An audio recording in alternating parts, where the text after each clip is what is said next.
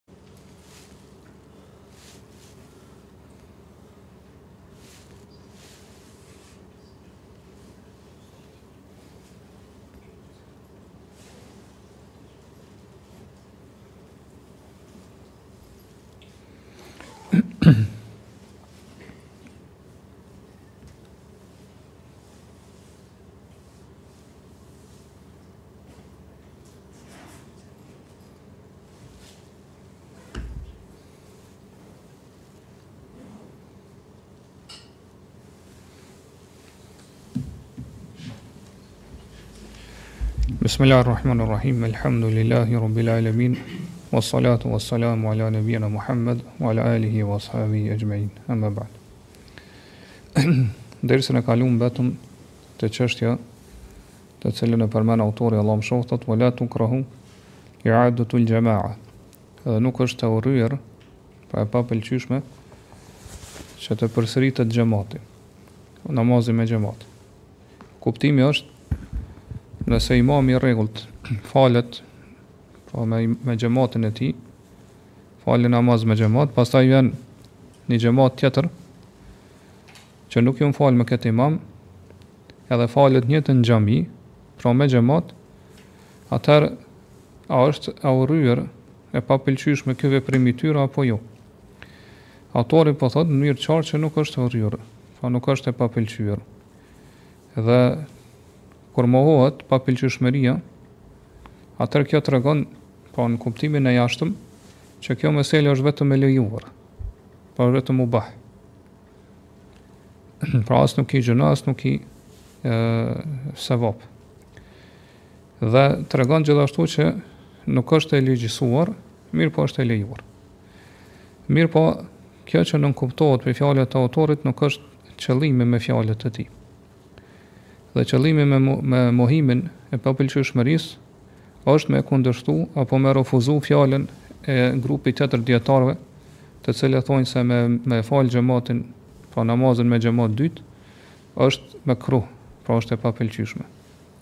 Prandaj në bazë saj themi që mendimi i autorit nuk tregon që ai po dëshiron me mohu pëlqyeshmërinë ose që kjo çështje është e parapëlqyer e preferuar, madje nuk e mohon edhe që është obligative. Ngase namazi me xhamat është obligim, po siç e kemi marrë në dersat e kalume, dhe për këtë arsye shumica e dietarëve të mëvonshëm kur e kanë shpjegu po këtë libër, kanë tregu që qëllimi i autorit edhe të tjerëve dietarëve kur e përmendin këtë çështje edhe thonë që nuk është e urryer, për qëllim është që e, ne nuk e them, nuk jemi me këtë mendim. Po qëllimi i tyre është me sqaruar që ne nuk e përkrahim këtë mendim, Të atyre dijetarëve që thonë është mekruh e papëlqyeshme, përkundrazi ne themi që kjo çështje duhet të kthehet në parim dhe në parim namazi me xhamat është obligim. Po është obligativ, do të thotë, m'u fal namazin me xhamat. Prandaj në bazë saj themi se po sipas kuptimit ose mendimit të autorit me përsërit xhamatin, po m'u fal një xhamat i dytë në xhami, nëse atyre ju ka ikë prej xhemati, apo namazi me imamin e rregullt, kjo, ky xhemat i dytë, ose falja e këtij namazi me xhemat të dytë, është, sipas këtyre dijetarëve, është obligim, po është një çështje obligative. Ngase siç thamë namazi me xhemat është obligim, edhe fakti që të ka hup me imamin e rregullt ky namaz me xhemat, nuk e rrëzon obligueshmërinë. Një mendim tjetër i dijetarëve është që Kjo është vetëm e preferume. Është e parapëlqyer dhe nuk është obligative, ngase obligativ obligativ është namazi i parë me imamin. Po xhamati i parë që u fal me imamin, ky namaz është obligim me u fal. Po kushdo që prezenton aty, e ka obligim me ju bashkangjit këtij xhamati. Edhe me këtë xhamatin e parë Arrihet vlera madhështore të cilën e ka përmend Pejgamberi sallallahu alejhi wasallam, pra arrihet shpërblimi i madh për atë i cili falet po namaz me xhamat në xhami. Kjo çështje realisht i ka tri forma. Forma e parë është që kjo përsëritje e xhamatit të jetë diçka e rregullt, po që ndodh rregullisht. Forma e dytë është kur kjo ndodh raste raste rastesisht, po jo në mënyrë në formë të rregullt. Edhe e treta është kur kemi të bëjmë me një ndonjë xhami, e cila është xhami e tregut, apo xhami që është ndërtuar skaj rrugëve, apo xhami e ngjashme me këto, që njerëz pra për shembull ata që punojnë në treg, kurdo që ju bëhen mundësitë, shkojnë ka dy veta, tre veta, 10 veta dhe falën së bashku, pra e falën namazin me xhamat, pastaj dalin.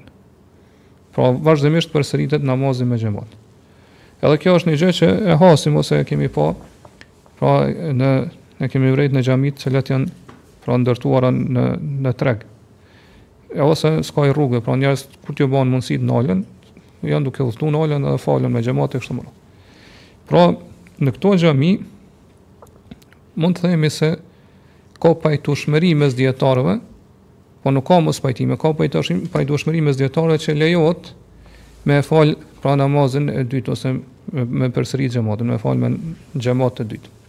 Ngase pra në parim këto xhami, pra në në origjinë janë ndërtuar për këtë për këtë qëllim. Po janë ndërtuar që njerëzve me jav lehtësu që sa t'ju vijnë mundësitë, mu ul, mu ndal edhe me fal aty pra namazin me xhamat. Edhe zakonisht këto xhami pra nuk kanë imam të rregullt. Që njerëzit tubohen edhe falen, po mblidhen dhe falen rreth tij. Sa i përket formës së parë që thamë që në një xhami pra të jenë dy xhamate. Dhe që vazhdimisht, pra në mënyrë të rregullt, falen namazin falet me dy xhamate. Po është xhamati i parë, dalin këta, pastaj vjen xhamati i dytë kështu me radhë. Për këtë që Për këtë çështje nuk ka dyshim që kjo është e urryer. Pra mekruh madje mund të themi që është haram, është e ndaluar, ngase është bidat, është risi dhe nuk ka qenë e njohur në kohën e Pejgamberit sallallahu alaihi wasallam as në kohën e sahabeve shokëve të tij. Prandaj këtu mund të ndërlidhem me këtë çështje se një gjë e tillë ka qenë e njohur në Qabe, po në xhaminë e Qabes para se me marr pra udhëheqjen e këtyre vendeve që qeveria saudite aty kanë qenë jan fal katër xhamate secili xhamat e ka pas imamin e vet pa imami hambelive imami shafive imami hanefive edhe imami malikive po secili u fal me xhamatin e medhhebit vet edhe e kanë qujt ka thon kjo është mekami shafive kjo është mëkami Pra qëllimi është mihrabi i hambeli, i malikive, i hambelive, hanefive, kështu me radhë. Mirëpo, themeluesi i Arabisë Saudite, mbreti Abdulaziz Allahu e mëshiroftë, dhe Allahu e shpërbleftë, kur ka hynë Mekë dhe ka pa këtë realitet, edhe këtë gjë, ka thonë kjo e përçan umetin.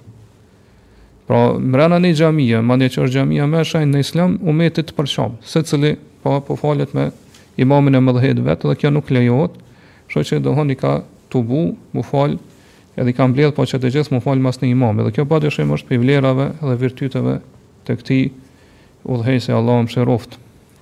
Kjo që e ka përmen, pra, ky mbret, Allahu e mëshiroftë, është një prej gjërave që ë ose prej rreziqeve dhe prej dëmeve që i, i ndodhin umetit nëse falen kështu pra 2-3 xhamate brenda një xhamie. Po që është përçarja e umetit. Domethon prej prej rreziqeve tjera është që kjo pastaj i nxit njerëzit ose i fton njerëzit që me qenë përtacë edhe dembelë. Ngase njerëzit thonë përderisa është një xhamat i dytë, atëherë po presim Le të falet xhamati i parë, na po presim derisa të vjen xhamati i dytë dhe po i bashkangjitmi atij. Dhe kështu pra njerëzit po tregohen neglizhentë dhe nuk prezantojnë në xhamatin e parë pra me imamin e rregullt. Mirë, na mbet edhe forma e tretë e kësaj mesele e kësaj çështje, që kjo ndodh nganjëherë rastësisht. Po imami i rregullt e fal namazin me xhamatin e xhamisë me xhamatin e parë. Mirëpo siç e dimë, ka pi njerëzve që nganjëherë vonohen, po dy, tre, katër ose ma shumë për arsye të ndryshme. A lejohet që këta mu bo xhamat dhe me fal atë namaz prap së bashku apo jo? Kjo është ajo çështje në cilën ka mospajtim mes dijetarëve. Pi dijetarëve, po ka që nuk e lejojnë këtë gjë, Edhe thonë është mekruh, pra është e urryer. Edhe ata do të falen secili vetëm. E pi dijetarëve ka që thonë që duhet mu përsërit ose lejohet mu falë edhe domethonë tash një xhamat i dytë. Edhe kjo është medhhebi i Hambelive dhe është mendimi i autorit. Siç e pamë, dhe këta dijetarë po kanë argumentu me një me një numër të haditheve.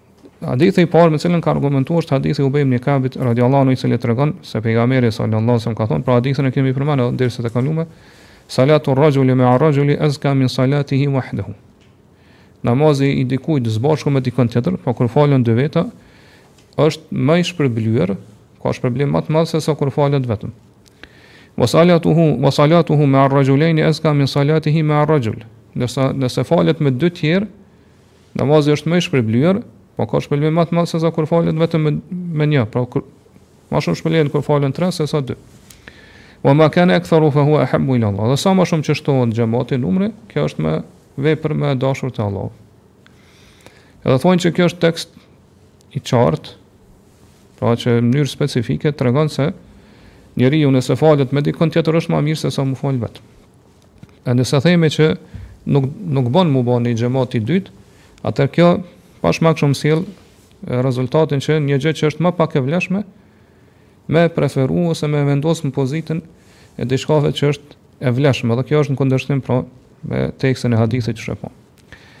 Argumenti i i dytë është se një ditë pejgamberi sallallahu alajhi wasallam ka qenë ulur me shokët e tij edhe ka hyrë një person, pra një prej sahabëve, pasi që ka mbaruar namazin. Pra pejgamberi alejhi selam mas namazit ka qëndruar me shokët e tij dhe ka një person i cili i ka ik namazi me xhamat. Dhe pejgamberi sallallahu alajhi wasallam ka thënë men yatasaddaqu ala hadha fa yusalli ma. Kush po jep sadaka këtij personi që të falet me të. Thotë edhe njëri prej sahabeve që u fal me pejgamberin sallallahu alajhi wasallam, u ngrit dhe u fal bashkë me të. Edhe për këtë thonë që ka argument të qartë Që është fal, do thonë u përsërit xhamati, u fal namazi edhe një herë, pra me xhamat dytë pasi që u fal një herë me imamin e rregullt, po ashtu siç po e po e, e lexojmë hadithin, madje këtë gjë pra po e nxit vetë pejgamberi sallallahu alaihi wasallam, që dikush mu fal me këtë person. Gjithashtu është edhe një hadith tjetër që e përmendën prej që transmetohet prej Enesit radiallahu anhu, i cili Pra një ditë ka hyrë në një xhami edhe e ka domthon e ka pa që ata janë fal pra me xhamat, thotë edhe ka urdhnu njërin prej atyre që ka qenë me të, pra me thirrë ezanin edhe me thirrë ikametin pastaj janë fal me xhamat. Këto pra ishin argumentet. Sa i përket këtij argumentit fundit që përmendëm pra hadithin e Enesit, Po dikush që është po mundën me me marr si argument ose me argumentu me të që lejohet me përsërit xhamatin ose namazin me xhamat në një xhami të vetme. Mirëpo kjo nuk është argument i fortë për arsye se e para kjo hadith është meukuf, pra si vepër e Enesit, nuk ka ardh si fjalë e pejgamberit salallahu. E dyta është që Enesin në këtë çështje e kanë kundërshtu prej sahabëve ata që kanë qenë më të dijshëm.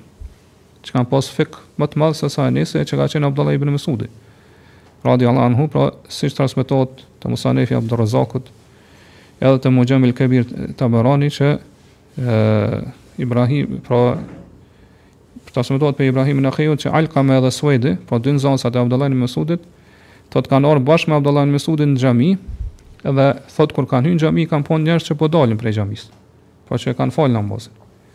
Thotë kështu që Abdullah ibn Mesudi ka marrë këta dy nxënësit e tij u kthyn në shtëpi edhe u fal si imam i tyre. Po nuk e kanë fal namazin me xhamat dytë. Po sikur të ishte e lejuar me fal namazin pra me xhamat dytë, pra e lejuar ashtu në kuptim pra që nuk ka kurrfarë kushtëzimi, kurrfarë kufizimi, pra e lejuar në çdo aspekt, në çdo rast, atëherë Abdullah ibn Mesudi nuk ishte kthy në shtëpi dhe mu bo, pra me falë namazin me xhemat në shtëpinë e tij. Për arsye se namazi farz mu falë në xhami është ma vleshëm se sa mos mu falë në xhami. Kjo është një diçka e njohur. Kështu Abdullah ibn Mesudi pra nuk ishte kthy mu falë në xhami. Gjithashtu, sa i përket, kësaj çështje është edhe një, një ether,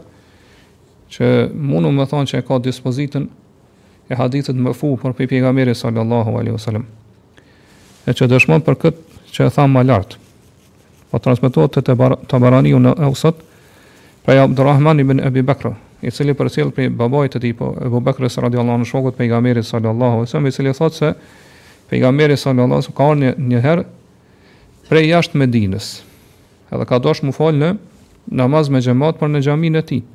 Mirëpo e ka pa që njerëzit janë falë. Pra e kanë kry namazin me xhemat, kështu që thot pejgamberi sa ka shku në shtëpinë e tij. Edhe aty thot u bë e ka fal namazin me xhemat me familjen e tij. Dhe ky hadith është hadith hasen si tregon Shejh Albani, pra është hadith i mirë, është hadith autentik. Po kjo tash mundemi të them që ky hadith i Enesit që lexum më lart po që e ka fal namazin me xhamat pra në xhami, ka mundësi që të jetë qysh u tha më lart prej atyne xhamive në të cilat nuk ka pas imam të rregullt, as muezin të rregullt. Po ekziston edhe kjo mundësi e interpretimit të këtij hadith ose këtij veprimi të Enes ibn Malikut. Edhe pamë më lart që ka pajtueshmëri mes dijetarëve që me përsërit namazin me xhamat në në xhamia të këtilla të kësaj natyre që janë nuk ka të keqe inshallah. Pra është e lejuar. Dhe këtë mënyrë po mundemi mi bë bashkë mi harmonizu mes këtyre dy ethereve që kanë ardhur prej sahabeve dhe nuk kundërshtohen mes vete. Dhe prej dijetarëve që ma së miri kanë folë në këtë çështje, po prej imamëve të medhhebeve, medhhebeve është Imam Shafiu Allahu e mëshiroftë. Na po i përcjellim shkurtimisht fjalët e tij që ka thonë në këtë që ka shkruar rreth kësaj mesele. Dhe në librin e tij që është El Um, po që është libër bazë i medhhebit Shafi. Edhe ka thonë se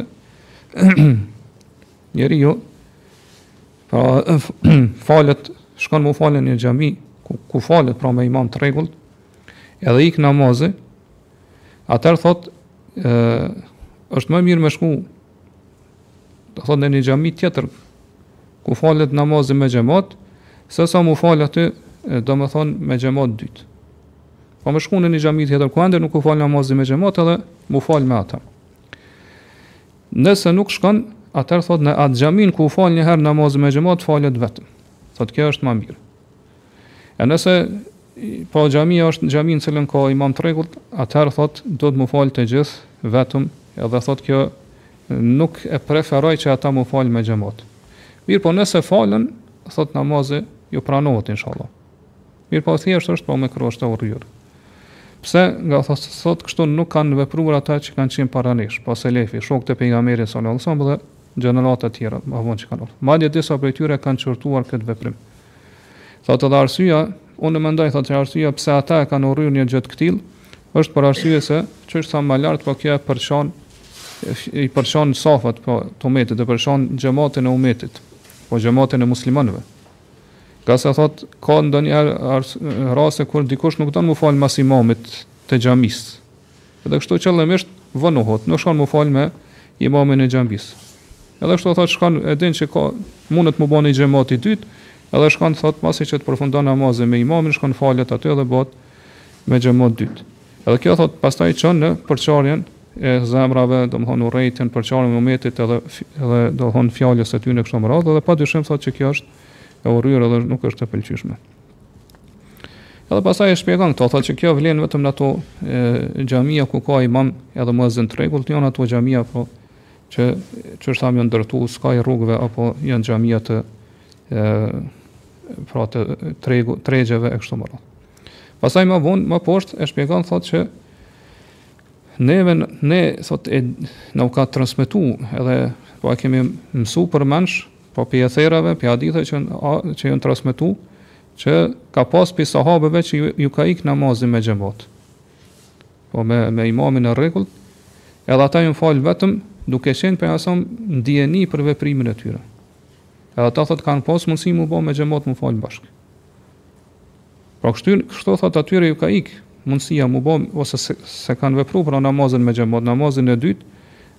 me dijeninë e Pejgamberit sa sa dhe me mundësinë e tyre që me e fal pra namazin me xhamat thotë edhe kështu secili prej tyre është fal vetëm thotë nga se ata e kanë e kanë pas pra mendimin që është e urryer e papëlqyeshme që me fal që namazin me xhamat dy herë në një xhami kjo që Imam Shafiu po e përcjell pra pa zinxhir thotë ne na është transmetuar qysh po pra na kanë përcjell edhe herët këto e përcjell Hasan al-Basriu me zinxhir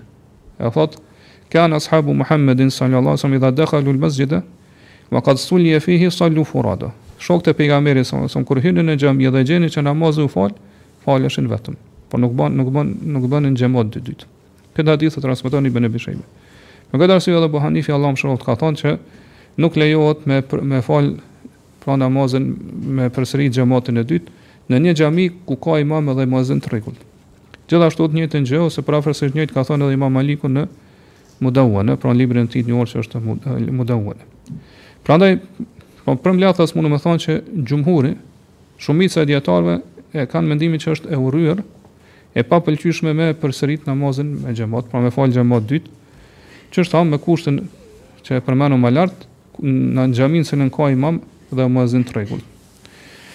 Dhe kjo domethënë është e vërteta. Sa i përket hadithit tjetër që po, grupi i parë i dijetarëve që përmendin si argument ku Pejgamberi salallahu selem tha a ka dikush jep sadaka këtij edhe mu falë me të, e, ma s'shumti që mundemi kuptu prej këtij hadithi është se Pejgamberi salallahu alejhi i ka nxitë ata cilët janë falë me të, po me xhematin e parë, me xhematin e imamit të rregullt, që mu falë Me këtë person, ë domthonë me, me nijet nafiles, jo me nijet farzit. Pra, ai që u falë me, me xhamatin e pejgamberit alejhi selam, ky nuk mundet edhe njëherë me falë namazin farz. Pra, ky hin me nijet të namazit që është vullnetar, namazit që është nafile.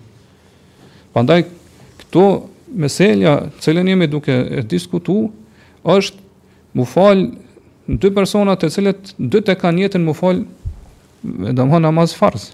Secili, pra edhe imami që falet edhe ai që e pason, dyve ju ka ik namazi i parë farz, pa po me xhamatin e parë, kështu secili është duke fal namaz farz. Kurse hadithi i pejgamberit alejhi selam nuk flet për këtë çështje. Hadithi i pejgamberit alejhi selam flet për dikon i cili falet pa po, si imam farz kurse tjetri falet si namaz nafile. Prandaj nuk lejohet me bë analogji mes këtyre dy rasteve, pra analogjia këtu nuk është e, e pranuar. Për arsye se pejgamberi alejhi selam po thotë kush i jep sadaka, sadaka këti, pra kush i jep sadaka, cilën e ka marrë, pra si shpërblim me xhem, që, kur u falë me xhamatin e parë, me xhamatin e pejgamberit, sallallahu, po me xhamatin e parë që u falë mas pejgamberit, sallallahu, kurse ata që falen Që janë vonu të dytë. Edhe secili pra është duke e falë farzin, namazin farz pra, cili prej tyre i jep sadaka tjetrit? Po asnjëri, se asnjëri nuk u falë me xhamatin e parë. Po nuk mund me thonë që njëri i jep sadaka tjetrit. Andaj pra hadithi nuk mundet, këtu dy, këtu, e, pra, ky hadith nuk mundet pra mu ba kijas me këtë çështje për cilën jemi duke diskutu. Edhe për disa arsye tjera. Pra, arsye e parë, Pse nuk mundet mu bë kijas analogji është për shkak se kjo formë cilën këta janë duke e përmend, pra nuk është transmetuar prej pejgamberit sallallahu alajhi wasallam. As nuk është transmetuar prej pejgamberit që ka dhënë leje mu fal pra dy persona që janë vonu si xhamat i dytë, as nuk u transmetu prej pejgamberit alejhi selam që e ka miratu një gjë të këtillë. Edhe pse mundësia me ekzistuar një veprim i këtillë në kohën e pejgamberit alejhi selam ka qenë shumë e mundshme. Po shumë e mundshme ka qenë që në kohën e pejgamberit alejhi selam mu vonu gjithmonë dy ose më shumë njerëz se nuk u falë me xhamatin e parë. Edhe kurrë nuk u transmetu që pejgamberi alejhi selam i ka dhënë leje mu bë ata me xhamat dytë apo që ja ka miratu një veprim të, të këtillë. Madje qysh e pamë pi transmetimit të Hasan el Basriut ata u fal vetëm. Sahabët nuk nuk janë bë xhamat. Janë fal secili vetëm. Edhe e dyta është se qysh e thamë më lart kjo formë çon në përçarjen e umetit. Po, ngase njerëzit nëse e dinë që ju ik xhamati, ju ik xhamati e marrin këtë çështje pastaj më të lehtë. Po e dinë që ë edhe nëse nuk falem në xhamatin e parë, mundem me nxon një xhamat dytë edhe me me arrit shpërblimin e xhamatit, kështu që nuk e kanë problem mu vonu. Po vonohen, shkojnë më ngadalë në xhami, von, domthon merren me çështje tjera e kështu me radhë. Kjo pastaj çon në Paksimin e xhematit të parë, xhematit i cili duhet m'u falë mas imamit të rregullt. E paksimi i imamit e xhematit është mekruh, është e papëlqyeshme në Islam. E domthon këto këto rreziqe ose këto këto të këqija nuk ekzistojnë në formën të cilën e ka leju pejgamberi a.s. edhe e ka miratu kur ka thon kush po falet, kush po çohet me dhon sadaka këtij.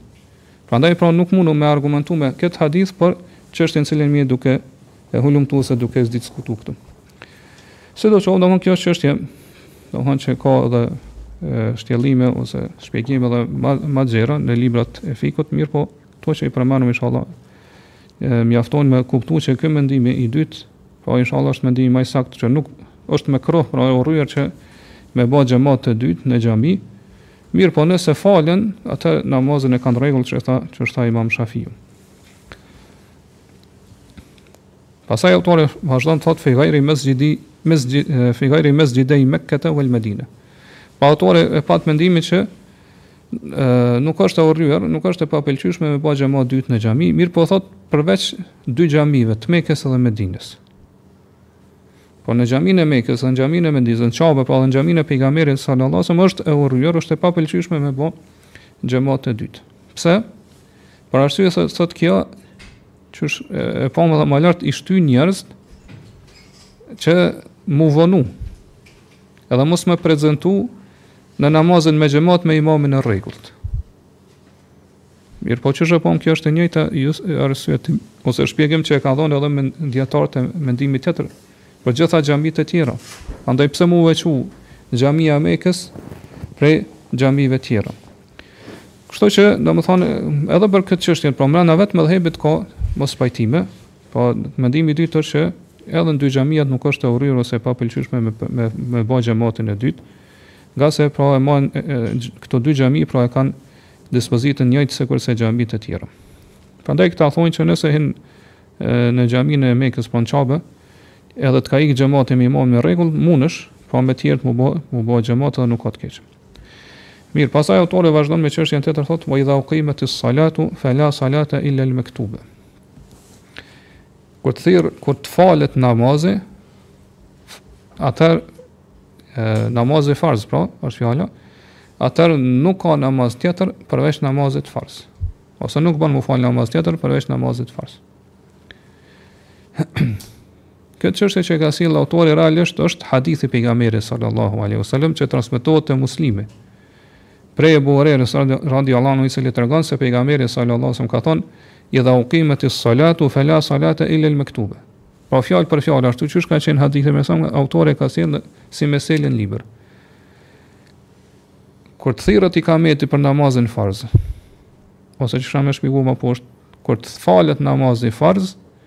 atëherë nuk ka namaz tjetër, po nuk bën me fal namaz tjetër përveç farzit. Prandaj këtu po e shohim që kjo autori njëkohësisht e ka sjellë edhe çështjen edhe argumentin. Pra i ka bërë bashkë këto dyja.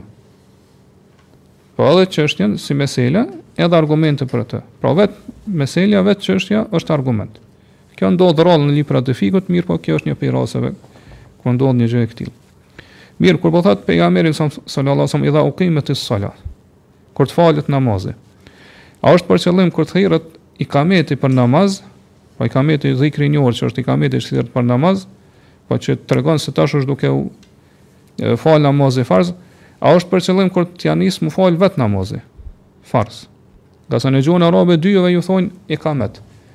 Po edhe ikametit që thirret për namaz edhe hyrjes në namaz, Kur të fillon namazi i thonë ikamet. Allahu thotë ue aqimu sala, dhe faleni namazin. Aqimu sala pra është e njëjta shprehje.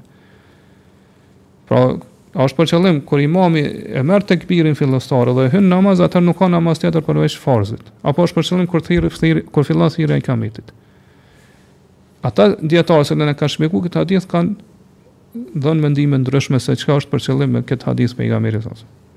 Por realisht mundemi, me përmend që janë Tri mendime. Disa kanë thënë që për qëllim është kur thirret e, e, në vërtet kur të fillon namazi. Po për shembull kur po thotë idha uqimet es-sala, kur imami merr tekbirin fillestar dhe hyn në namaz, po fillon namazi atëherë nuk ka namaz tjetër përveç namazit farz. Mendimi i dytë ka thënë që për qëllim është kur thirret ikameti i njohur që është që është i njohur te na si ikamet, kur fillon m'u thirr ikameti për namaz, atëherë nuk ka namaz tjetër përveç namazit farz. Mendimi i tretë ka thonë është për qëllim kur të përfundon ikameti. Kur përfundon ikameti, atëherë nuk ka nuk bën me domthon me fal namaz tjetër përveç namazit farz. Edhe pse ky mendim është i përafërt me mendimin e pa, e, e parë. Por ashtu që pavarësisht a themi kur të namaz kur hyn imami kur e fillon namazin apo kur përfundon ikameti, koha është shumë e shkurt. Menjëherë mas ikametit imami hyn në namaz, përveç në raste të caktuara kur imami pra angazhohet me drejtimin e safave apo ë domethënë ndonjë arsye tjetër që ndodh. Mirëpo, nëse ne e kuptojmë se cila është urtësia e kësaj ndalese të pejgamberit sallallahu alajhi wasallam, atëherë mundemi me përcaktuar se çka është për qëllim me ikametin këtu. Po çka është për qëllim këtu me ikam me fjalën ikamet që ka përdor pejgamberi sa. Dhe urtësia e kësaj ndalese është që njeriu nuk duhet m'u angazhu me namaz nafile të cilën e fal vet pra me fal vet vetëm në namaz nafile afër atyre të cilët janë duke fal në, në namaz farz me xhemat kjo është arsyeja e ndalesës Ngase në këtë rast ai ka kundërshtuar pjesën tjetër të muslimanëve nga dy aspekte ose në dy anë. E para është që ky është duke fal nafile, kurse ata janë duke fal farz. Ai nuk bën me i kundërshtu pra pjesën tjetër të muslimanëve xhematin në këtë çështje. Edhe e dyta i ka kundërshtu se ky është duke u fal vetëm, kurse ata janë duke u fal me xhemat. Edhe kjo pra nuk nuk bën Nuk lejohet në në fenë islame. Dhe është e njohur pra që njeriu nëse fillon me fal namaz nafile, pasi që muezini ka fillu me thirr ikametin, atëherë zakonisht nuk ka mundësi pra me përfundu namazin nafile, veç se ata e fillojnë namazin me xhemat. Kjo është e njohur. Po nëse muezini ia nis me thirr ikametin ti e merr tekbirin fillestar e fal nafile nuk mundesh me përfundu para se ata me me hi pra në namaz. Prandaj në bazë të saj themi që nuk lejohet me fillu namazin nafile pasi që muezini fillon me thirr ikametin. Ngase arsyeja e ndalesës ekziston edhe në këtë formë, edhe në këtë pamje, edhe në këtë skenë. Edhe ma parësore themi që nuk lejohet me fillu ti me fal namaz nafile pasi që të përfundon ikameti, ose pasi që imami e ka marrë tekbirin fillestar dhe ka hy në namaz. Prandaj në bazë të saj themi që pejgamberi sallallahu alajhi wasallam kur po thotë fala salata illa al maktuba nuk ka namaz përveç namazit farz, atëherë pra nuk bën me fillu me namaz tjetër përveç namazit farz. Ky është kuptimi i fjalës. Nuk bën me fillu me namaz tjetër përveç namazit farz. Prandaj në bazë të saj themi që përcaktohet se qëllimi përcaktohet qëllimi i, i kësaj ndalese ose i, vërtet përcaktohet qëllimi i kësaj fjale pejgamberit kur po thot idha ukimetis salah kur të fillon m'u fal namazi pra për qëllim është kur i, kur imami fillon namazin po e merr tekbirin fillestar dhe hyn hyn në namaz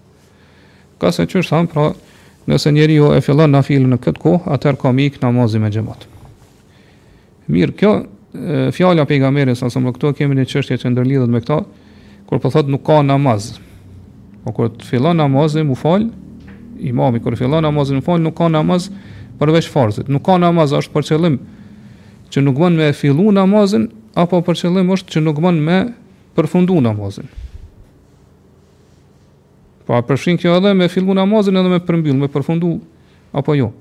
Këto janë realisht dy mendime dijetarëve. Po mendimi i parë është që kjo e, e, kjo fjalë e pejgamberit sa kjo ndalesë e përfshin edhe me fillu namazin edhe me përfundu. Pra as nuk duhet me fillu, po edhe nëse veç e ke fillu namazin, edhe ka fillu pra ose ka hy imami në në në namaz, apo ka marrë tekbirin fillestar, atëherë nuk e përfundon namazin, nuk e nuk e përmbyll, nuk e plotëson. Madje disa dietar kanë shkuar deri aty saqë ka thonë nëse të ka mbet vetëm selamin e dytë me thonë, edhe fillon ikameti mu thirr, atëherë kjo ta zhvlerëson namazin nafile. Ngase po te disa dietar dy selamet në namaz janë shtyllë prej shtyllave t' namazit, ose janë prej obligim, edhe selami i dytë është shtyllë në namaz. Disa thonë është vetëm obligim, disa është sunet. Mirëpo nëse ty të ka mbet edhe veç selami i dytë, atëherë e për, e përfundon namazin edhe del pi namazit hyn me me imamin, pra nuk bën me me e vazhdu. Kjo është do të thonë njëri prej mendimeve në këtë meselë. Mendimi i dytë është se për qëllim me këto fjalë për qëllim është me e fillu namazin. Pra nëse e, ka thirr ikameti siç thamë ma lart ose ka përfundu ose ka hy imami në namaz, e ka marrë tekbirin fillestar atëherë ti mos fillo namaz ti nafile. Mirëpo nëse ke fillu ma herët, atër plotësoje, fale nafilen, deri në fund, edhe nëse t'ik pra e, e, xhemati. Edhe nëse t'ik xhemati. Pandaj, prej kësaj po, po e kuptojmë, përse, ose prej, po, po na bëhet e qartë se fjala e pejgamberit sallallahu alejhi ve selem kur thotë nuk ka namaz, është për qëllim, mos me fillu namazin. Po e ka haram njeriu që me fillu namazin nafile, pasi që ka fillu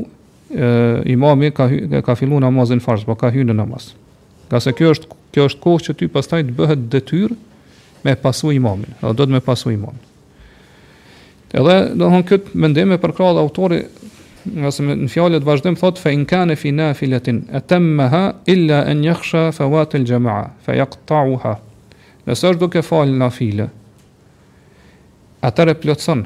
Po edhe pse ka fillu namazi, imami ka fillu namazin farz, e plotëson namazin përveç nëse friksohet që i ik xhamati. Atëherë duhet me ndërpre. Përveç nëse nëse friksohet që i ik xhamati, atëherë duhet me me ndërpre.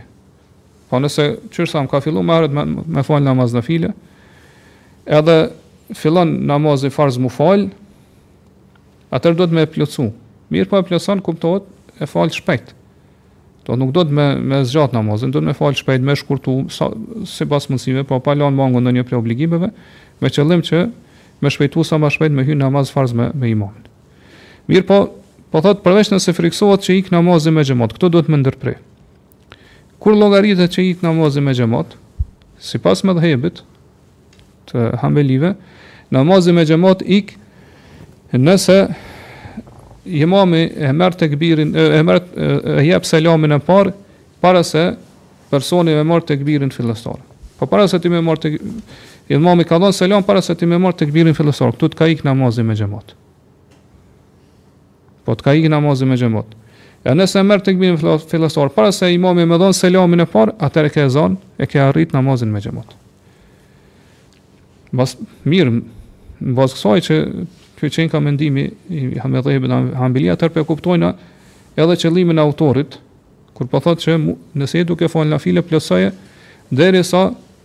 Ve, përveç nëse frikësohesh që të ikë namazi me xhamat. Pra vazhdo mu fal nafilen, përveç nëse frikësohesh që imami e jep selamin e parë, para se ti me përfundu namazin nafile. Nëse ke, ke arrin këtë pikë që imami është gati me dhonë selamin e parë, para se ti me përfundu namazin nafile, atër ndërpreje. Ngase qysh thamë, pra, kjo është ajo koha, sipas medhhebit hanbeli që të t'ik namazi me xhemat dhe nuk e arrin pra namazin me xhemat dhe këtu pra e, nëse ekziston kjo frikë te ti, atëherë i bje që këtu po bien në kundërshtim një vepër që është vullnetare me një vepër që është farz. Për arsye se namazi me xhemat është farz, është obligim. Kurse namazi nafile llogaritet që është vetëm vepër vullnetare dhe farzet gjithmonë do të mbajnë përparësi para nafiles. Mirëpo a mundet me ndodh kjo mesele kështu, kjo çështje, kjo formë e namazit mundet me ndodh mirëpo shumë rrallë. Mundet me ndodh për shembull n'namaz t'sabahit. Në namaz t'sabahit, nëse imami falet shpejt. Pra, nëse njeriu pra ka hy në namaz t'sabahit, pak para se me hy imami në namaz, para se me marr tekbirin fillos, fillestar për namaz t'sabahit. Ose edhe para se me marr me me me thirrë kametin muezini sipas një mendimi që e lexum ma lart. Ktu ka mundësi që njeriut me i ik namazi me xhamat sipas mendimit të medhhebit. Po derisa t'i fal dy rekate imami veç e kryen namazin, i jep selam edhe e kryen namazin e përfundon namazin e sabahit. Mirëpo namazet ku janë 3 rekate, 4 rekate, atëherë këtu zakonisht është e pamundur që njeriu me pas frikë që m'i ik namazi me xhamat.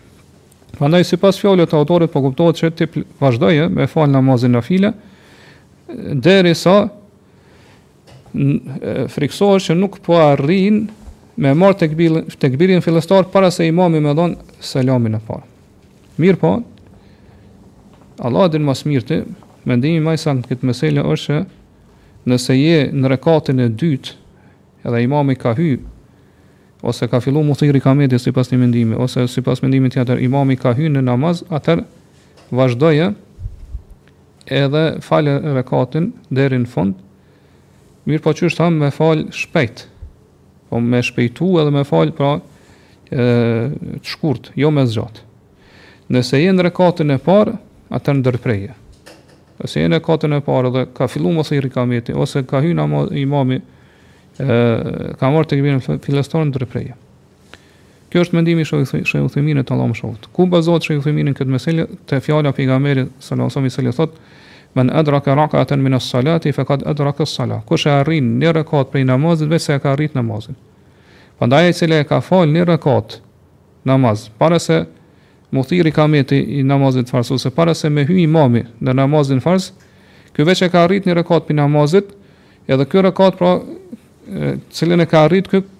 ka shpëtuar prej gjërave që e kundërshtojnë ose që e zhvlerësojnë.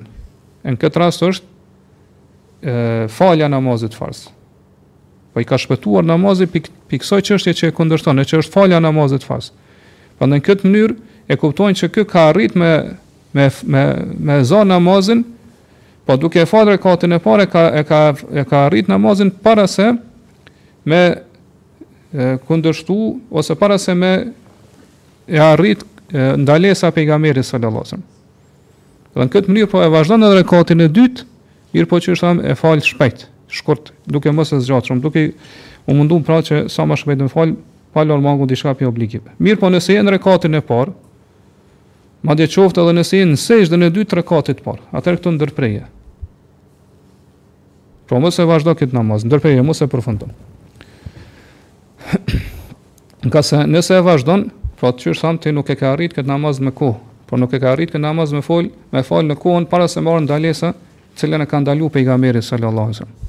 Po nuk nuk llogaritet që ky namaz të ka shpëtu, edhe mundesh pra me me vazhduar edhe në kat.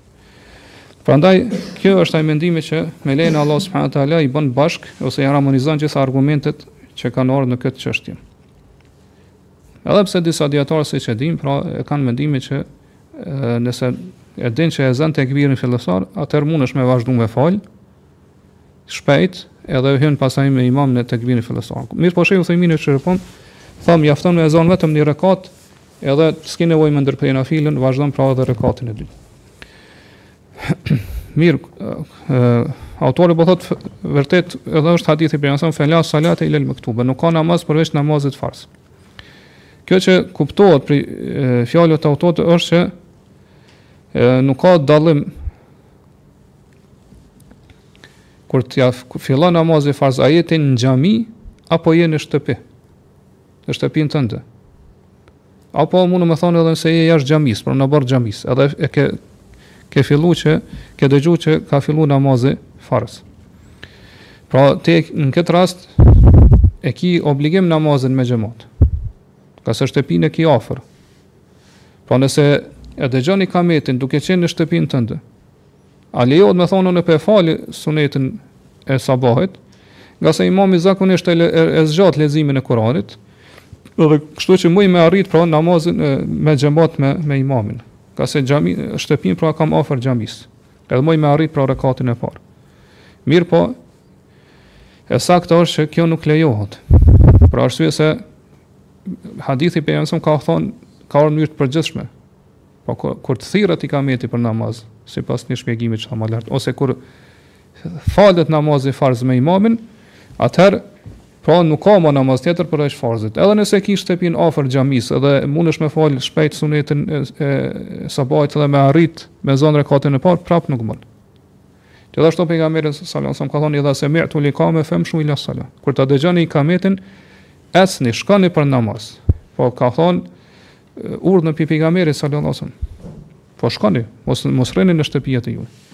Prandaj pra, në bazë të saj themi që nuk ka dallim nëse thirret ikameti për namaz duke qenë ti në xhami apo e po thirret ikameti për namaz duke qenë ti në shtëpinë tënde nëse ke shtëpinë afër. Kurdo që e dëgjon ikametin, edhe je në rekatin e parë të namazit nafile apo sunet, sipas mendimit mesatar që e përmendëm më lart, atëherë ndërpreje.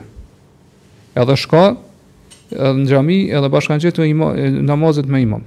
Nëse je në rekatin e dytë, plotësoje, mundohesh me plotësu, mirëpo qysh thamë, falë shkurt edhe shpejt. Kjo, prapë thojmë, përderisa s'o nuk friksohesh që mundet me t'ik namazi me, me xhemat. Ngase ai që është jashtë xhamisë, pra ka mundësi që me ekzistu kjo frikë që m'i ikë namazi me xhemat. Edhe nëse është në rekatin e dytë. Nëse ekziston frika që po po të ikë namazi me xhemat, pra qysh thamë imami, imami falet shpejt për shembull kështu më radhë, atëherë ndërpreje. Ngase qysh thamë namazi me xhemat është obligim, kurse namazi sunet është veç nafile, veç vullnetar. Mirë, pastaj gjithashtu kur po thotë autori kur falet namazi ose kur thirret ikameti për namaz, nuk ka namaz tjetër përveç farzit.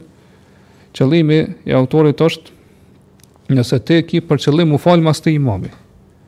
Mirëpo nëse nuk e ki për qëllim m'u fal mas atij imami, atëherë nuk ka të keqe me fal namaz nafile. Për shembull, nëse afër teje, afër shtëpisë tane janë dy xhamia. Edhe njëra prej tyre e nin ikametin që po thirret. Edhe ti po don me fal namazin sunet para për shembull e marrim si shembull namazin farz të sabahit, po don me fal sunetin para farzit sabahit, mirëpo ki për qëllim sunet që m'u fal n'xhaminë tjetër që ende nuk u thirr ikameti atëherë lejohet. Edhe pse ka filluar n'këtë xhami, m'u thirr ikameti ty të lejohet me fal sunetin e pastaj me shku, do të thotë xhamia tjetër m'iu bashkangjit imamit. Kjo edhe këto një çështje që ndërlidhet me këto është edhe nëse njeriu kalon afër një xhamie ku ku falet xhumaja dhe imami është duke ligjëruar pra hutbën e xhumas, mirëpo ky nuk e ka për qëllim me fal xhuman në këtë xhami. A i lejohet me fol edhe pse e dëgjon imamin duke majt hutbën, apo nuk i lejohet? Përgjigja, në bazë asaj që thamë më lart, është se i lejohet me fol. I lejohet me fol, edhe ngase ky nuk e ka për qëllim m'u fal mas këtij imami, po ai e ka për qëllim me shku në xhami tjetër m'u fal. Njëjtë është edhe nëse thirret ezani i dytë Ezani i dytë i xhumas. Në këtë xhami në t'cilën ti nuk nuk e ki qëllim me fal namazin e xhumas. Pra, ndërsa në xhaminë tjetër, ku ti po dëshiron me shku ose ki për qëllim me shku me fal namazin e xhumas, ende nuk u thirr ezani i dytë, edhe ti bën këtu shitblerje me dikon, atëherë lejohet, domethënë kjo shitblerje edhe shitblerja, pra tregtia këtu është halal. Pra e dina që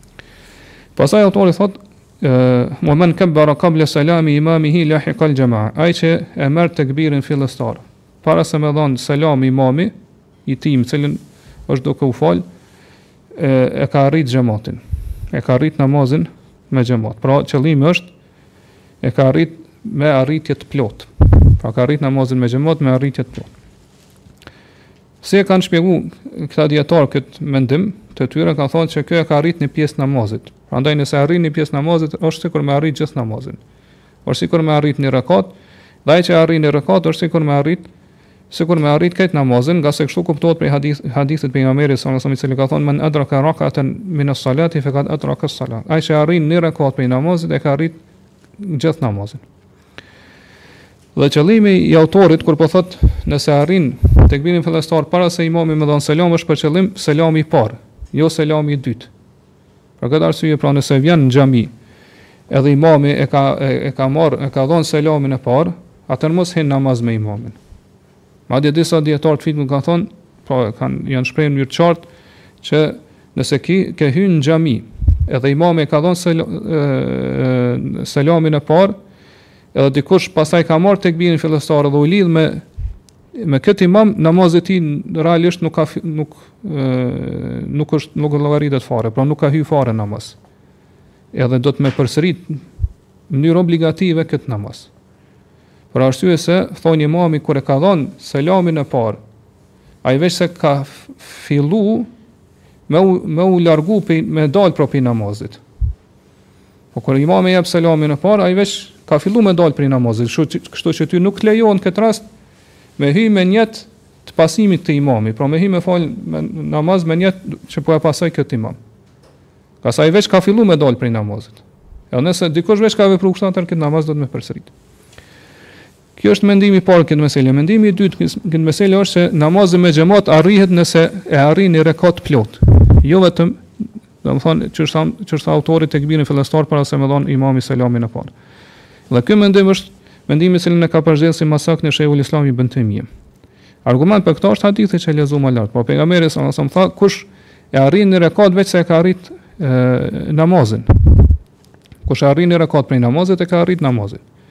Po hadithi në mënyrë po tekstualisht po na tregon se ai kush e arrin namazin, vetëm ai që arrin një rekat prej namazit, jo që arrin një pjesë namazit kur do qoftë.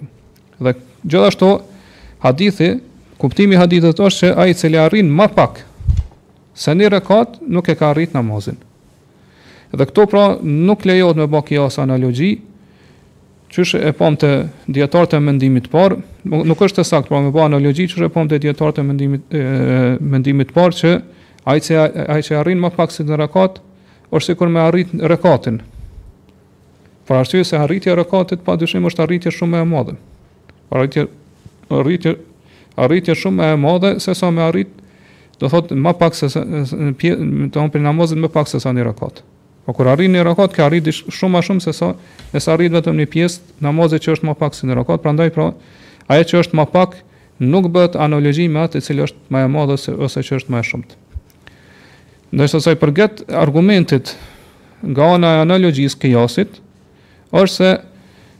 Edhe te namazi i xhumas, pra shumica e dijetarëve thonë që ai që arrin më pak se një rekat duhet patjetër me fal katër rekate farz t'drekës.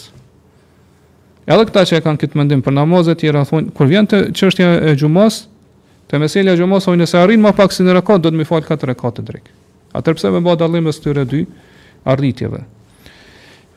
Dhe në bazë t'asaj që e thamë, mundemi me, me përmen edhe një çështje tjetër që nëse ti vjen në xhami, edhe imami pra ka ngrit kokën prej rukusë së rekatit t'fundit, edhe ti e din që mundesh me arrit namazin prej fillimit në një xhami tjetër, apo s'paku e arrin një rekat t'namazit në një xhami tjetër, Atëherë mos hy namaz me këtë me këtë xhamat që është këtë xhami.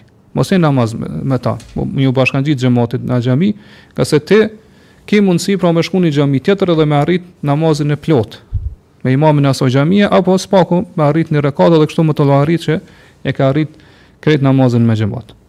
Ndërsa sipas mendimit të autorit, mundesh me hi edhe në këtë edhe në këtë xhami.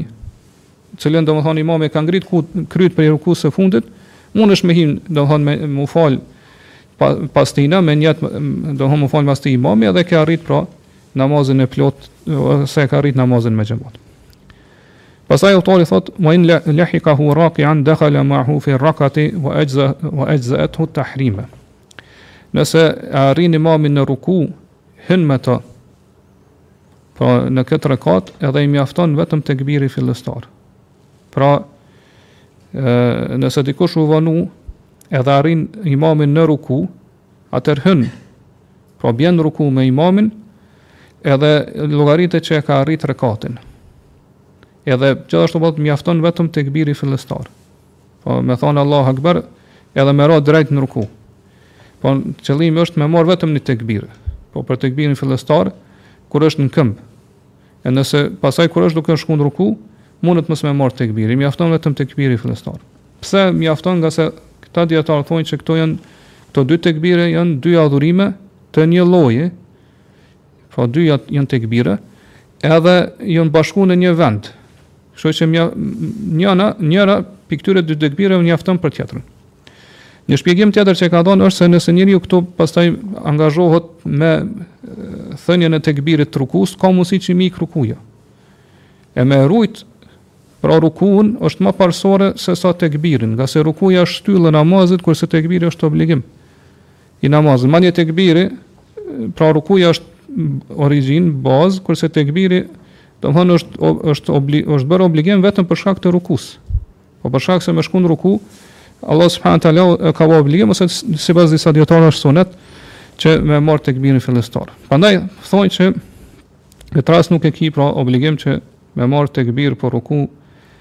Po në në në kësaj situate ose kësaj gjendje, mirëpo pa dyshim që nëse merr tekbir është më mirë.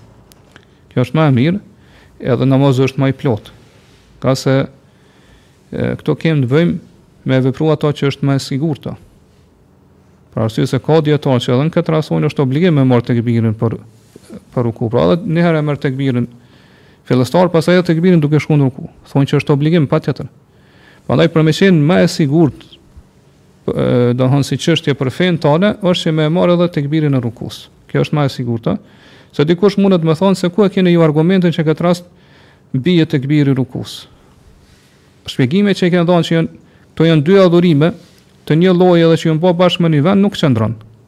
Po është një çështje diskutabile për arsye se tekbiri fillestar merret duke qenë njeriu në këmbë, kurse tekbiri i rukus merret duke shkuar në ruku, duke rënë në ruku. Prandaj nuk mundemi me thënë që janë dy tekbire që do thotë e, e, e ndajnë të njëjtin vend. Ngase duhen dyjat të merren në vende të ndryshme. Prandaj pra, më e sigurta, më e mira, më e plota është që me e marrë edhe tekbirin e rukus. Mirëpo po, e një çështje që është me rëndësi këtu, që është obligim pra secili prej nesh me pas parasysh, është se tekbirin fillestar patjetër duhet me e marrë duke qenë në këmbë.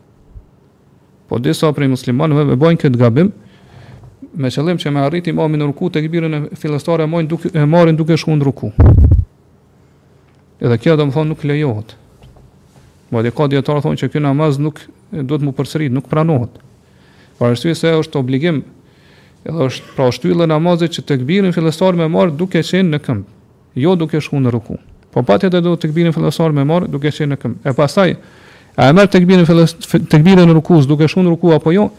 Kjo është çështje që tham ka mendime të ndryshme dijetarëve. Mirë, këtu po thotë ë i mjafton tekbiri fillestar. Autori këtu nuk po flet për surën Fatiha. Po thotë i mjafton me marr vetëm tekbirin fillestar. Pse nuk po e përmend surën Fatiha hiç si meselë, për arsye se është e njohur në medhhebin Hanbeli që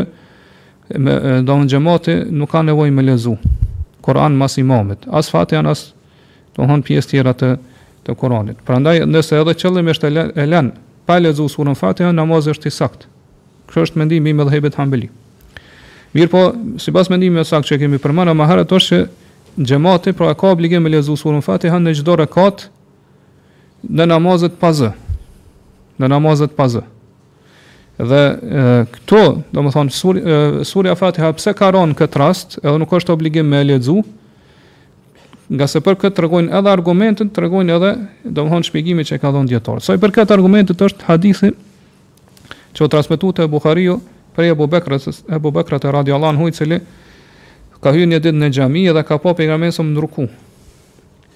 Edhe, do thotë kë, Kur ka hyrë në ruku, pra në fillim të derës xhamisë ka rënë në ruku.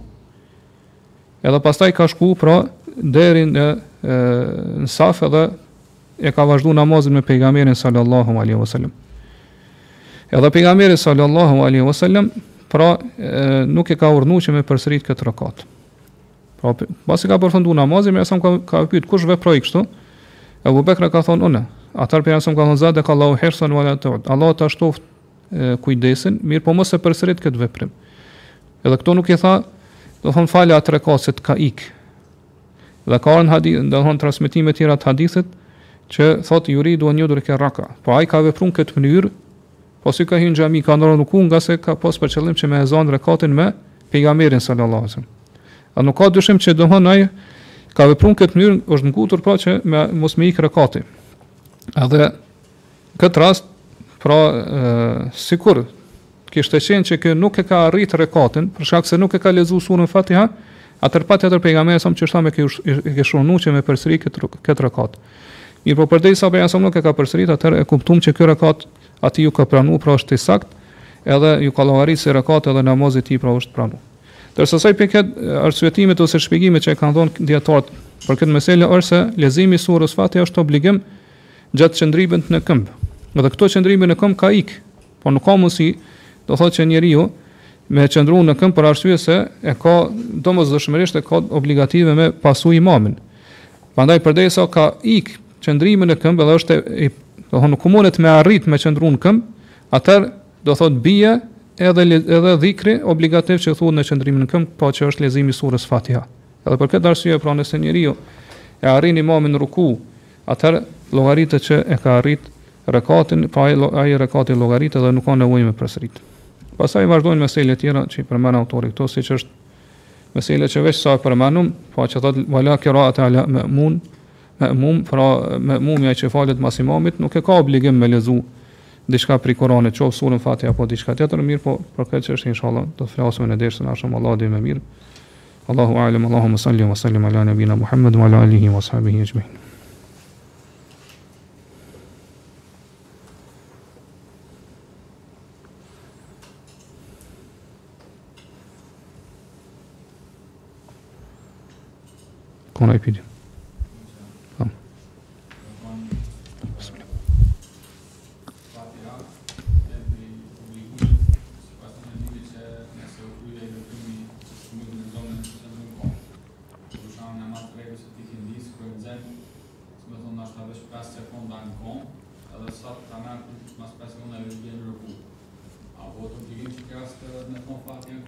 Jo. S'ka kohë, po. Do thonë këto ti je vonu. Ja, do thonë nuk është të faji është te ti në farë mënyre. Përderisa nuk mundesh nuk e nuk e hi me kohë me imamin, pra prej tekbirit fillestar, atëher e ndërpren në gjysë edhe bjen ruku.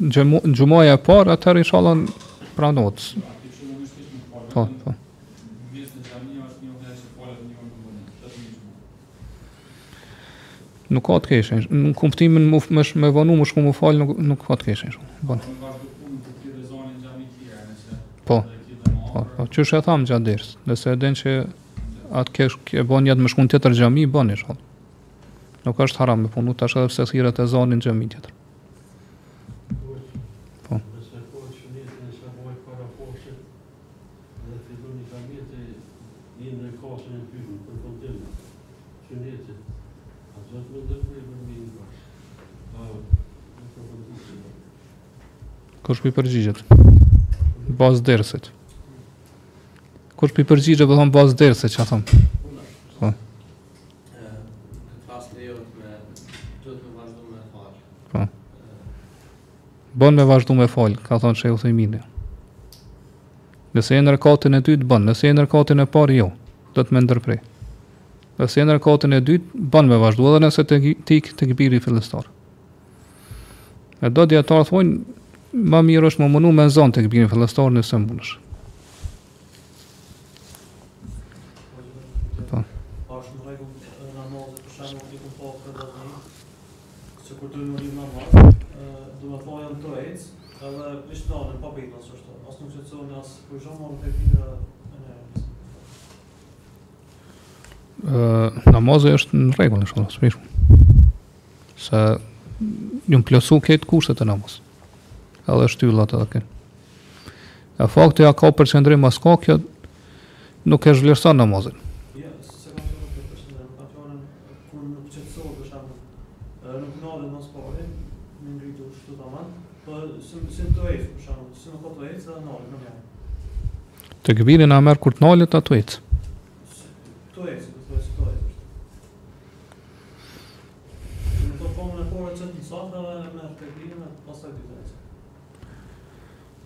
Nuk kjo nuk është domethënë lëvizje shumë e madhe që ia zhvlerëson namazin.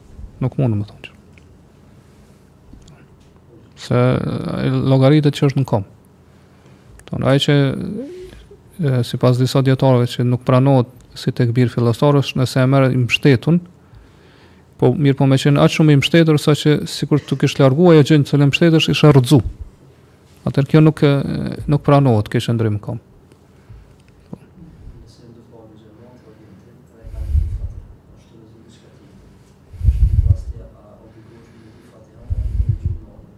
Kena me marrë inshallah këtë mesele, në javën e ardhshme, kena me folë edhe më herët, po e sakta është që nuk ka nevojë, kur imami lexon me, me za, xhemati nuk ka nevojë me lexu suren Fatiha. Domethënë ajo që e ka lexu imami mjafton.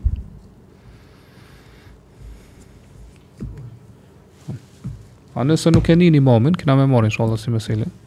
Për shkak të edhe pse sa do zgjat dersi po po du t'i marr meselet që janë të një teme, mos me i nda, kështu mos me, nëse nuk e nin imamin tu lexu për shkak zhurmave ose për shkak atëherë lexon. Duhet me lexu ti. Edhe edhe Fatihan edhe suren mas Fatihas.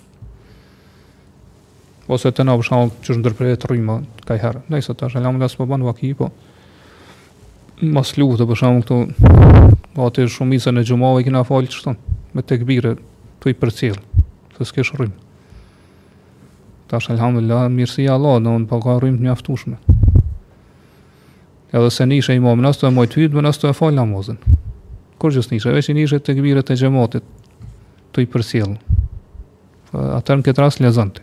Lexon edhe Fatihan edhe suren mas imamit.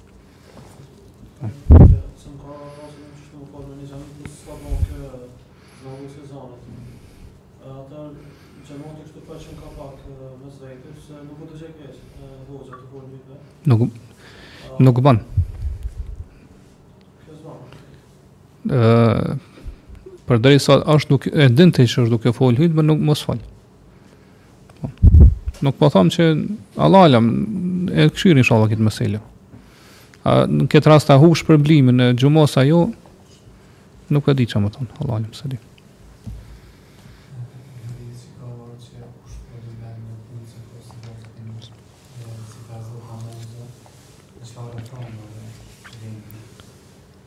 Po more, hadithi nuk është çështë. Po përkthimi i hadithit është Gabim. Se nuk ka thonë veç në vend të punës. Nuk ka thonë kush falet në shkretinë,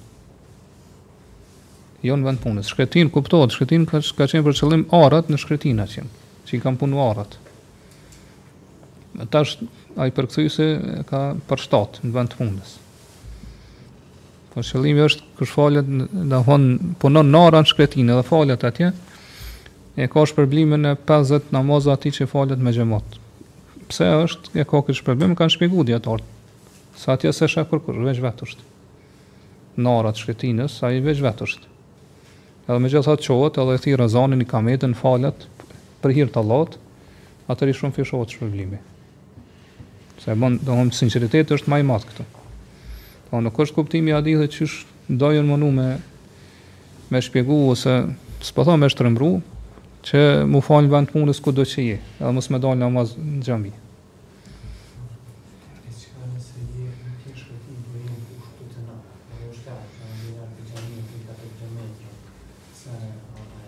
Po, Domethënë, sa ma vet që je tu fal, shpërblimi është ma i madh. Se e bon ma sinqerisht.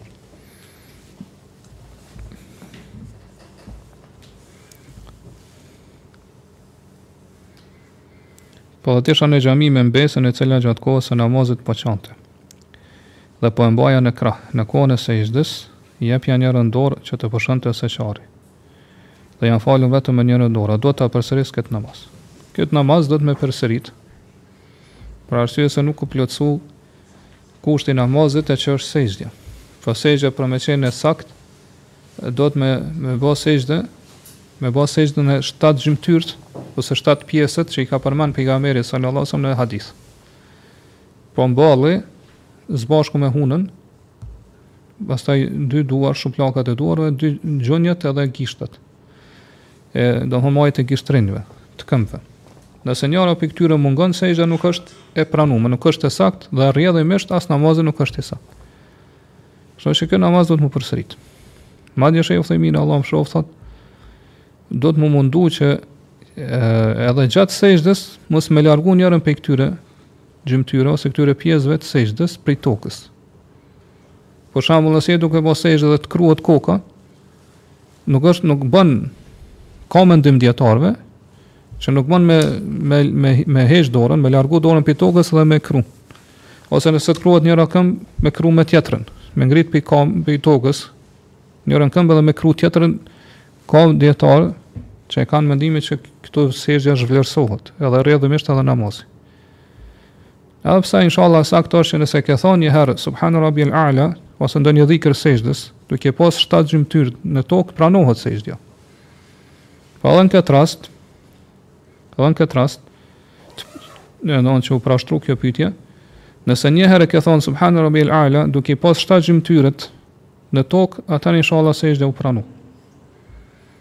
Edhe nuk ka nevojë me përsërit këtë namaz. A nëse domethënë asnjëherë nuk e ke domethënë gjithmonë e ke mbajt njërën dorë ë s'e ke vendosur në tokë gjatë gjithë sexhdes ose njërës prej sexhdeve të namazit, atëherë nuk pranohet namazi. Duhet m'u përsërit.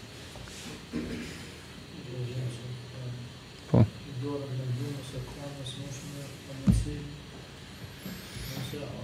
Kur s'ka mundësi është tjetër mesela.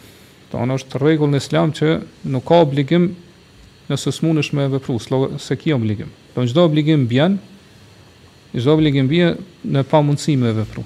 Edhe në këtë rast, nëse s'ka mundësi me bë sexhden në në shtatë gjymtyrë, duhet me bë sexhden në sa më shumë që mundesh.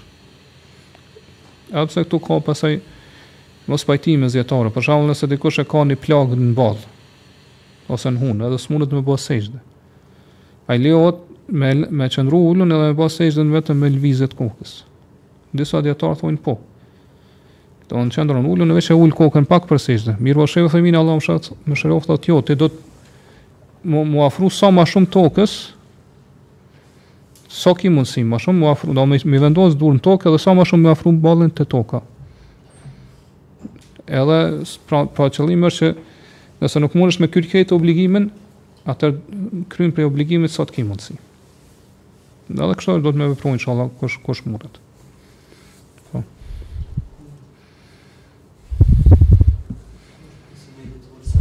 Alusa.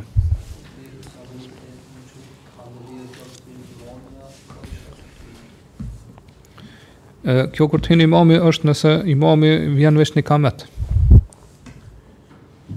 Domethanë atër duhet me prit xhemati derisa ta shohin imamin. Pejgamberi ka thënë mos u ngritni n'kam derisa të më shihni. Se Pejgamberi nuk ka hy, domethanë në xhami, Derisa ka fillu m'u thirr ikameti, se e ka pas shtëpin, shtëpit i ka pas ngjit me xhaminë. Mirëpo nëse imami falet me, me xhematin, ata veç e kanë pa imamin. Qysh që është te na, zakonisht imami vjen para ezanit, ose n'ezan, e fal sunetin para farzit, ose nafile, ose... Ma këtu nuk, nuk vlen kjo dispozitë, se na veç e kena pa imamin. Atër, kur duhet m'u ngritë për ikamet, kur dush? Mirëpo ma s'mirti është m'u ngrit në fillim të ikametit që me, me i drejtu safet. Që kur, kur të përfundon ikameti veç me qenë safet e drejtu. Kjo është ma s'mirti. Po nëse ngritesh ma vonë, ma herët, s'prish punë. Do dijetarë kanë thonë është mirë m'u ngrit kur thotë muezini kad kametis-salah. Namazi po falet, kështu që ti qe atëherë, domethënë. Po s'ka argument për këto. Këto thjesht janë mendime ixhtihade dijetarëve.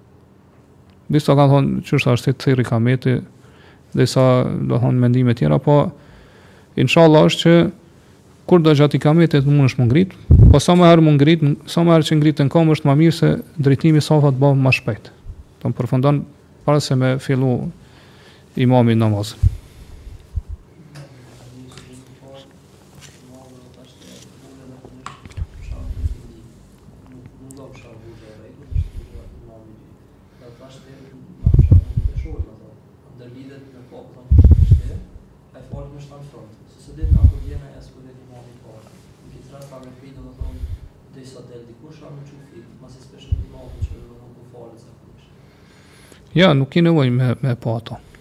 Domethënë qëllimi është, është për imamin e parë, jo për zavendësin e tij. Te imami i rregullt që është. Nëse nuk falet, nëse hin, te na nuk ndodh kjo. Ndoshta në raste të rralla, se e, atje për shembull tash në Arabinë Saudite e kanë bo si zakon që shpia e imamit me qenë në oborr t'xhamisë. Edhe muezinit bile. Kështu që imami nuk vjen veç në ikamet.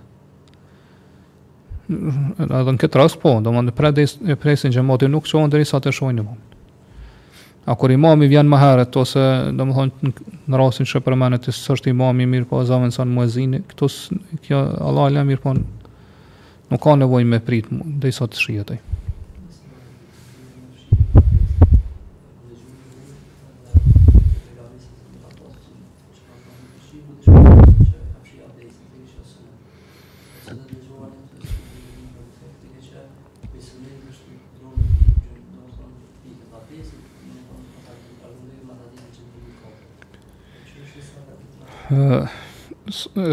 S'pari, sa i përket fshirjes të abdesit, janë dy transmetime.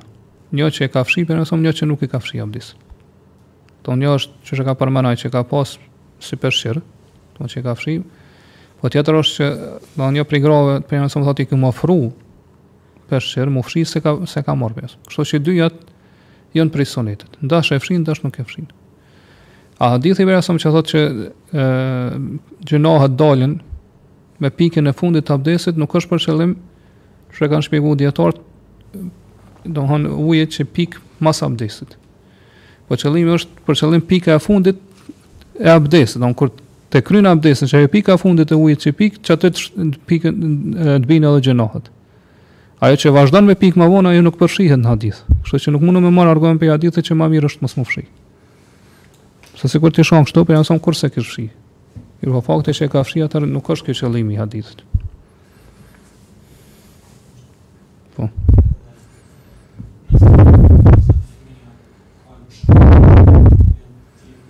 Po, inshallah, lejohet.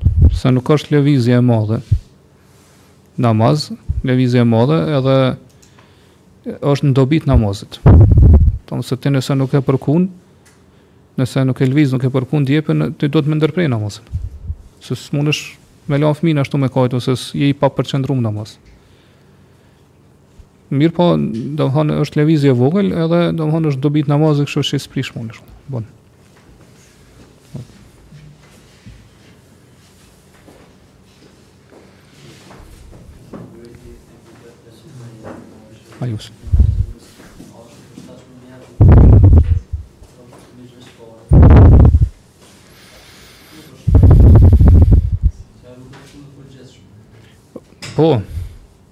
Është e mirë, është në përgjithësi është e mirë.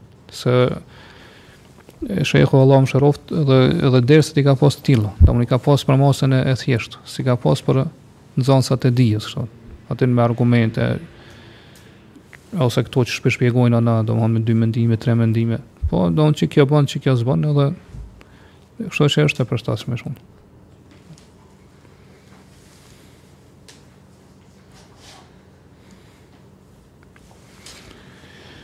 Po thotë ju kam thënë familjes sime që mos i bleni rroba dhe lodra me imazh vajzës, ata prap njëjtë veprojnë. Ju kam thënë disa herë, po edhe jam mundu që të gjitha që të gjithave t'ia fshi imazhet, por prap kjo gjë përsëritet. Nëse ata prapë i blejnë lodra me fytyrë dhe unë ua lë në shtëpinë e tyre, ato lodra a marr gjynah nëse nuk ua nuk ua prishi imazhin, imazhin. Dhe a kam detyrë t'ua prish imazhin. Sepse në disa raste familjarët mund të preken Ma lëndon, pse unë po ua qepi ose fshi fytyrën lodrave. Nëse ki mendimin që nuk bën pra lodrat me qenë me imazh, atëherë patjetër duhet me i prish këto imazhe. Patjetër duhet me i prish imazhet Domethonë ose me i hek ato lodra prej shpisë, ose duhet me ja fshi imazhet, në një formë ose në një mënyrë ose mënyrë tjetër. Edhe nëse preken ata s'osht, s'osht problem inshallah. Ti jau sqaron edhe jau shpjegon edhe ti veç jau paske shpjeguar, kështu që për ta për ata është e ditur kjo.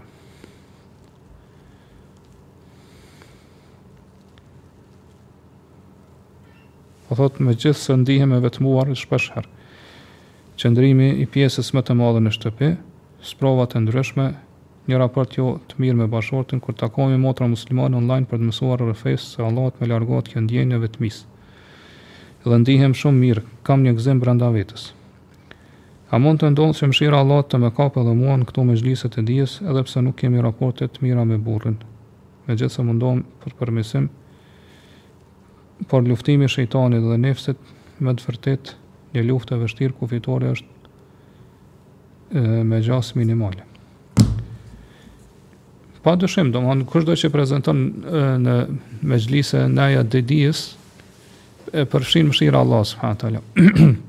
Qofshin, domethënë ndeja fizike, që është kjo tash që na mbledh këtu, Ose edhe tash mundësia që u bën përmes domethënë internetit online e kështu me radhë. Edhe aty inshallah zbret mëshira e Allahut. Domethënë çdokush i cili e ndjek një rrugë, i cili e ndjek një rrugë prej rrugëve të dijes, Allahu ia lehtëson një rrugë prej rrugëve të xhenetit, siç ka ardhur në hadith të pejgamberit. Dhe kjo rrugë ose është rrugë fizike, domethënë që shkon në kamë ose me kerr ose me autobus ose me, me mjete të tjera të transportit, ose edhe që është abstrakte, po e paprekshme, e që është pra me lezu libra, ose me dëgju ligjerata, ose me i përcjell online, krejt kjo të llogaritet që ti po e ndjek një rrugë, prej rrugës, rrugëve të xhenetit dhe inshallah, pra e, Allahu ta lehtëson pra rrugën për në xhenet. Edhe, domethënë, inshallah, përfit, përfshihesh në këto shpërblime që u përmendën në hadith, domethënë që zbret mëshira e Allahut, domethënë zbret një qetësi prej Allahut, melekët i rrethojnë me krahët e tyne, e kështu me radhë siç u përmendën në hadith e përmendëm, se dhe kjo është një lloj tubimi. Kjo po, tubimet përpara s'ka mujtë me ndodhë ndryshe, veç se fi, tubime fizikisht, në xhami ose ndonjë vend tjetër.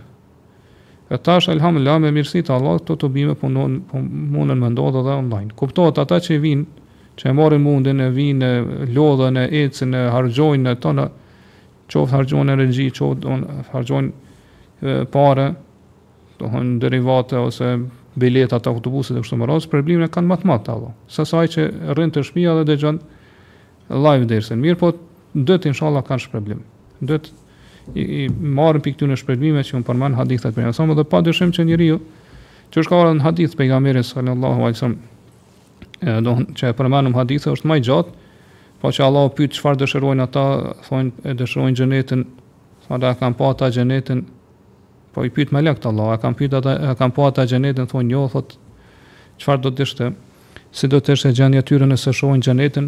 Pra melektë përgjigjen që do të mundoheshin edhe më shumë për xhenetin, a thotë prej çfarë po friksohen ose po ruhen thonë prej xhenemit, a kanë pa xhenemin?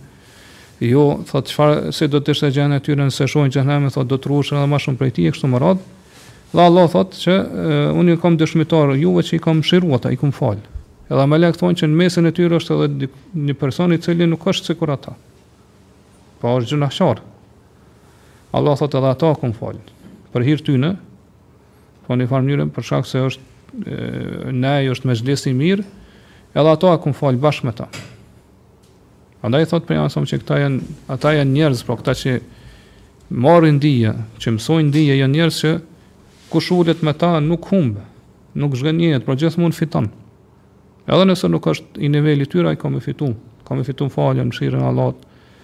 Gjithashtu ç'u përmend këtu në hadith, domethënë ë që ç'u përmend këtu në pyetje, domethënë ka me fitu qat qetësinë shpirtërore ose Domethënë mjafton që aty kemi dëgju diçka për fe, edhe çdo çdo gjë që dëgjon rreth prej dijes rreth fesë së Allahut subhanahu teala ta shton imanin. Pra po t'shtohet imani zgjerohet kraharori, qetësohet pra zemra, shpirti arrin prehjen. E kështu me radhë, këto këto janë dobi edhe përfitime pra që i fiton muslimani prej kërkimit dijes.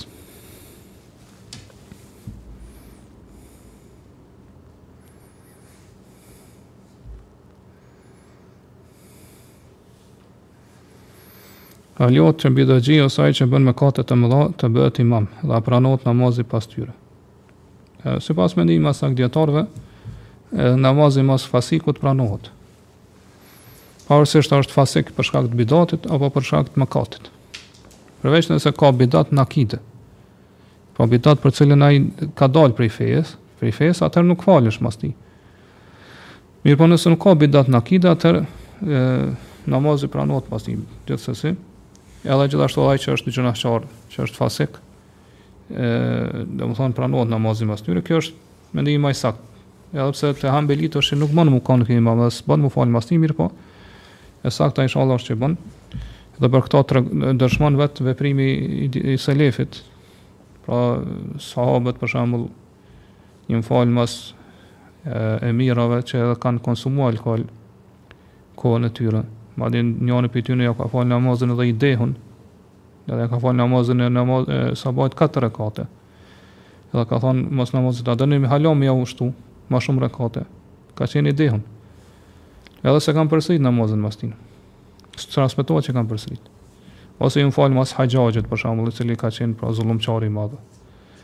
Gjithashtu Imam Ahmedi u fal mas, i ka fal xhumat mas xhehmive të kohës tij, domthon mas atyre që kanë thon Kurani është i krijuar. Kështu që namazi mas bidatxhive, pra po, përderisa nuk është kafir, pranohet inshallah. Nëse bidati është i atill që e nxjerr prej feje, atëherë nuk bën me u fal mas.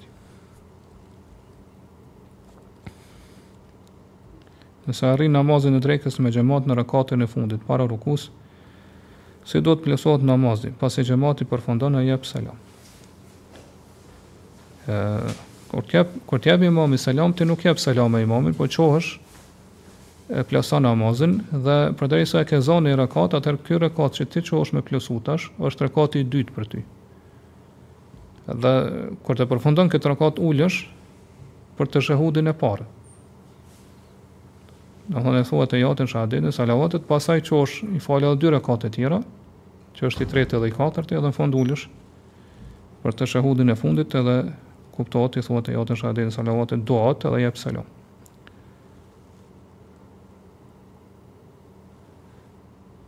Nëse kam bën nijet që sutra me qenë një gjë, Dhe atë gjë ta heq dikush dhe vendos diçka tjetër si sutër, a pranohet namazi?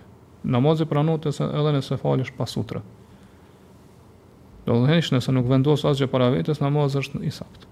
Për arsye se sutra e te shumica e dijetarëve është sunet, nuk është obligim.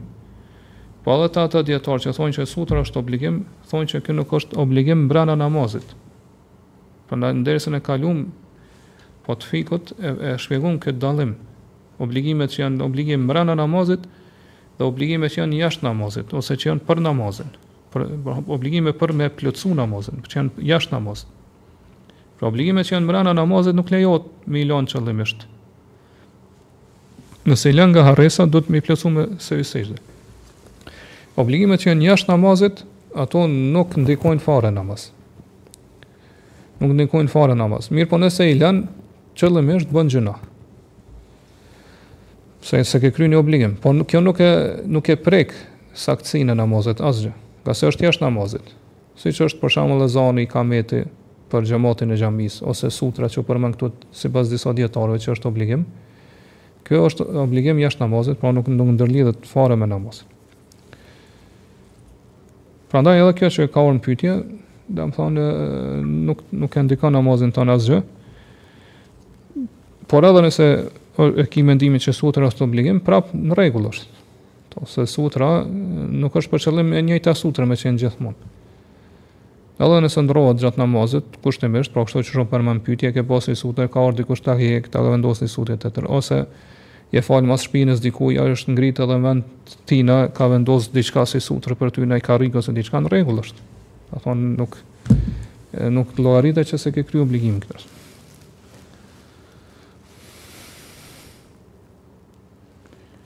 A lejohet t'i them prindërve që janë jobesimtarë, Ju dua, duke pasur për qëllim dashurinë ndaj tyre si prindër dhe jo për kufrin e tyre, dhe duke dashur që me këtë t'i afroj?. Nuk prish punë, inshallah, me i thonë, përderisa, përderisa i thu me nijet që i don si prindër.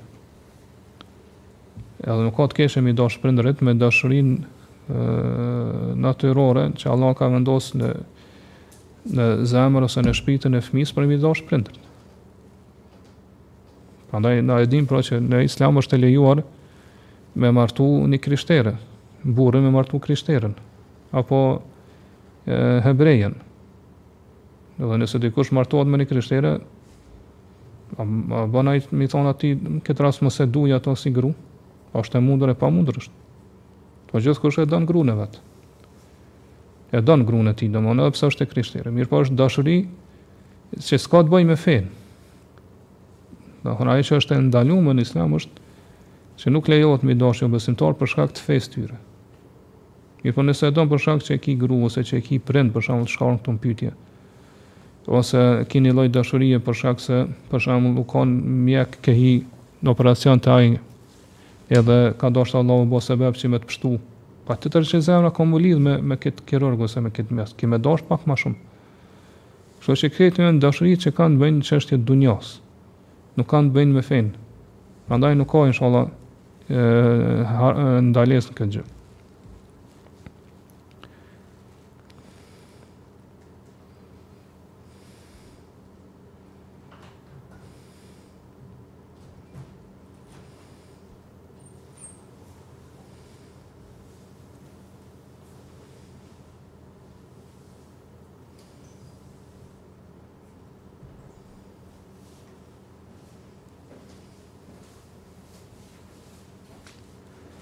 Dhe një pytje e gjatë, thotë.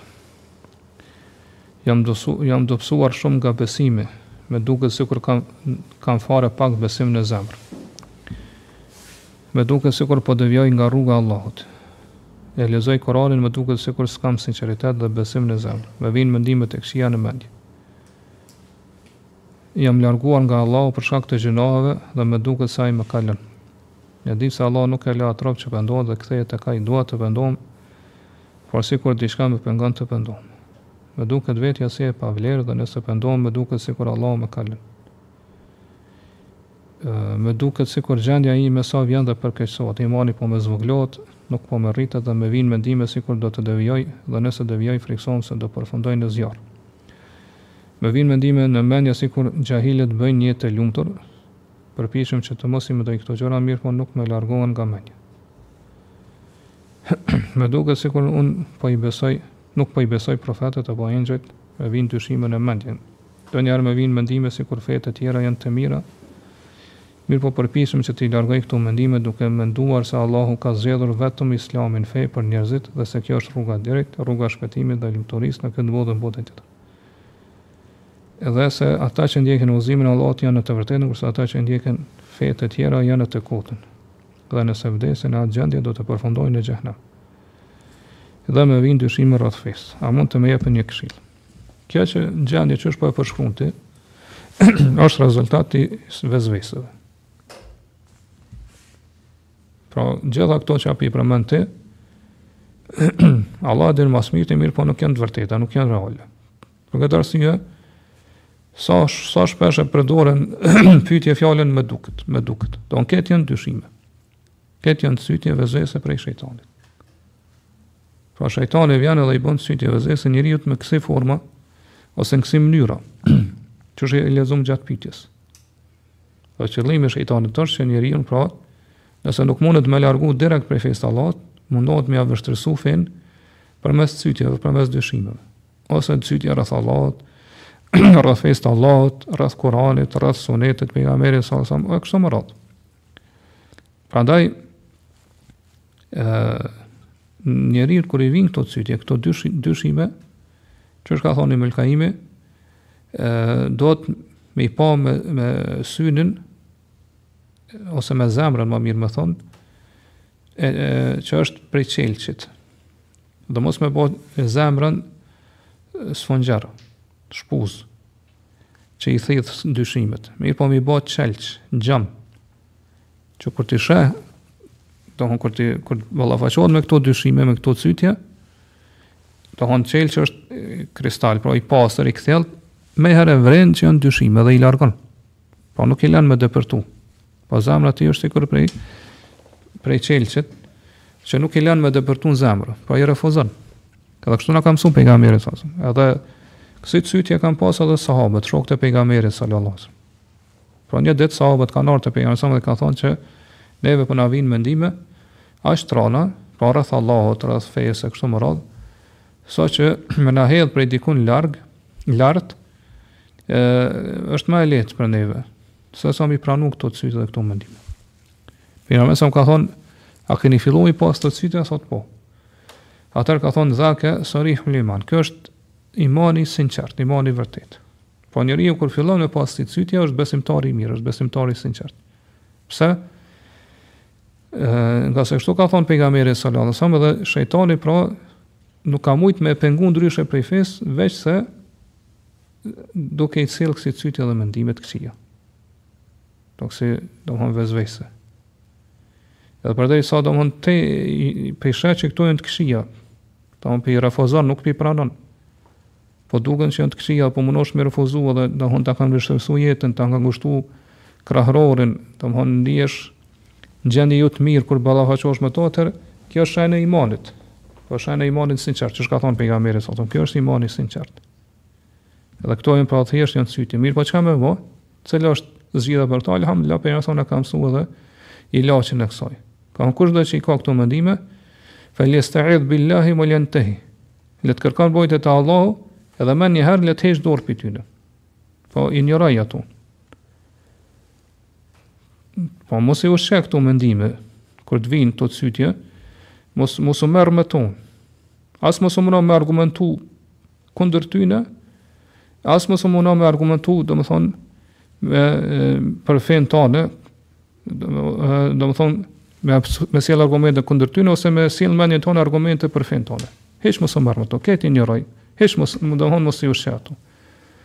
Ngase momentin që ti merresh me to, momentin që ti thu që qysh ka ardhë këtu në pyetje tash qysh ka ardhë cytje a mos fetë tjera në vërtetën që nuk e vërtetën ti tash ke sjell argumente që jo feja islame është në vërtetën kështu ka thënë Allah ton ti i ke dhënë vlerë kësaj cytje ton i ke dhënë pozitë në zemrën tonë Edhe ajo do të fillon pasaj me bë vend, me, me lëshu rrënjë në zemrën tonë dhe mendjen tonë. E kjo është pasaj rrezik, se ato shkojnë tu u shtu. Për këtë arsye, domethënë, këto që i përmend, në këtë pytje, këto nuk kanë ardh gjitha përnjëherë. Kanë ardh gradualisht. Njëherë ka ardh njona, je marr me to, ka ardh tjetra, je marr me to, ka ardh tjetra, kështu domethënë, u bo kjo pytje kaq e gjatë, me gjitha këto cytje. Pse? Domethënë fillimisht nuk e ke përdor ilaçin që të ka mësu pejgamberi sallallahu alajhi wasallam që fare mos me u marr me to, hiç me i injoru. Ngase vezveset edhe cytjet janë thjesht mendime hipotetike, supozime që i vijnë njeriut në mendjen e tij. Për shkaqe të ndryshme, kuptohet rolin më të madh këtu e ka shejtani, mirëpo mundet me ndodh edhe për gjëra të tjera. Mundet nganjëherë me ndodh për shkak të ngarkesës psikologjike që ka njeriu dhe truni pak çrregullohet edhe fillon me gjujt si Dofarë mendime kësi, si pulsa, domethënë, impulse të, të pakontrollume, veç, veç, veç hedh mendime. Kështu që qysh thash, domethënë, zgjidhja në këtë rast, qysh na ka mësu alejhi selam, është me i injoru, mos me u marr me to. Qysh thash hiç, mos me u marr me to. As, Mos me u marr me than jo domthon nëse të vjen islami është e vërteta apo këto tjera mos mos janë nis tash domthon jo islami është e vërteta se kështu ka thon Allahu kështu ka thon pejgamberi sallallahu alajhi wasallam kështu jo domthon kjo i bën që ti qysh thash po i kushton rëndësi kësaj po merresh me to edhe kjo e forcon edhe më shumë domthon atë cytjen ose atë vezvesën në zemrën e mendjen tonë a nëse e injoron ti je i bindur që kur ta injorosh edhe domthon thjesht nuk merresh me to Po ajo qysh ka ardhur dhe shkon. Po çuditesh edhe vetë që qysh ka ardhur një grumbull kësi mendime në mëngjes për shembull. Edhe nëse e injoron, në mbrëmje asnjë prej tyre nuk është. Domethënë ashtu qysh kanë ardhur dhe shkojnë, se qysh thash se thjesht janë mendime, supozime ose gjëra hipotetike që i hedh mendja, kuptohet nganjëherë prej shejtanit, thash nganjëherë për arsye të tjera. Edhe pra thjesht muslimani nuk duhet me u marr me to, edhe duhet me ditë që kjo është prej besimit sinqert qysh na ka mësuar pejgamberi sallallahu alajhi wasallam. Madje kjo kjo nuk e, nuk është shenjë që je dobësu ose që ki problem me imanin, po është shenjë e kundërta. Që që ki imanin e fort, Dhe që ti po i refuzon e nuk po i pranon ato, po i lufton ato. Kjo është shenjë e imanit të fortë. Kjo është përgëzim për ty që ti je besimtar i mirë dhe jo domethënë i dobët. Ngase më ka thënë dhake sarihu sarihul iman kjo është imani i sinqert. Madje edhe në shkencën e psikologjisë, domthon ata e përmendin që kulmi i domthon i luftimit këtyre vezveseve, këtyre cytjeve, Është kur njeri arrin me injoru ato. Kjo është, kjo e kallzon atë kulmin e në cilën domethon thirrë edhe vet shkenca e, ose psikologët domethon që i përkasin kësaj shkencë. Nuk ka ilaç më të mirë se sa me injoru. Mirëpo, problemi i njerëzve është që domethon do nuk e përdorin këtë ilaç fillimisht ose domethon nuk e dinë edhe më vonë mësojnë, po Pastaj duhet gradualisht derisa të arrijnë te qiky kulm. Kur të arrijnë te qiky kulm atëherë me lejen e Allahut krejt këto largohen. Kur të arrijnë deri te qikjo atëherë krejt edhe vet çuditet mas një kohe thotë qysh more unë kom pas këto mendime ose qysh u merrsha me to, sa e çuditshme. Domthon se janë çështje që qysh thash domthon thjesht janë gjëra që truni hedh pa kontroll edhe domthon ty duket që u bë diçka e madhe, mirëpo në momentin që ti e kupton natyrën e problemit, Domethon që nuk është diçka ashtu e madhe që shejtani ta paraqet ty. Domethon thjesht janë mendime ose janë cytje prej shejtanit, atëherë lehtësohet kjo. Edhe tjetra që duhet me ditë është që domethon thjesht ji i bindur, edhe binde veten nëse s'je i bindur, që ti je e kundërta e këtyre mendimeve. Do këto domethon me qenë i bindur. Ti je e kundërta e qëtyre mendimeve. Po fakti që ti nuk po i pranon, po i refuzon, edhe po doken shumë t'rona, shumë të këqija, që m'i pranu, tregon që ti ato mendime nuk janë prodhim, prodhime të mendjes tane, nuk je ti ai. Domethon dikush tjetër, po i gjun n'mendjen tane që është shejtani. Po këto kur t'i dish këto inshallah ka me t'lëshu kjo kjo situatë dhe domethonë me lejen e Allahut ki me kalu.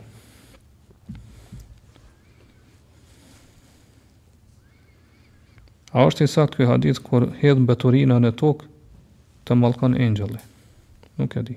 S'po di a ka kësi hadithi. Mirëpo hadithi i pejgamberit sallallahu alajhi wasallam është që pjesë e imanit është ose degë e imanit është me largu pengesat që i pengojnë njerëzit prej rrugës së tyre. Edhe mbeturinat pa dyshim që janë gjë që i pengojnë njerëzit ose i pengojnë fizikisht, nëse është në rrugën ku ecin ata, ose i pengojnë, domethonë nga aspekti, qysh me thonë shpirtëror ose emocional, për se dikush kur sheh mbeturina ndihet keq ose gërditet ose edhe dikush ndoshta edhe vjell për shembull prej gërdisë ose ose kanë aromë të keqe ato. Qekjo pengesë, edhe kjo është pengesë.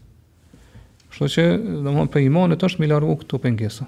Prej kësaj kuptohet që nëse i hedh pengesa në rrugë, atëherë nuk e nuk e ki imanin në rregull, ki probleme me besimin tond, pra s'e ki imanin e plotë.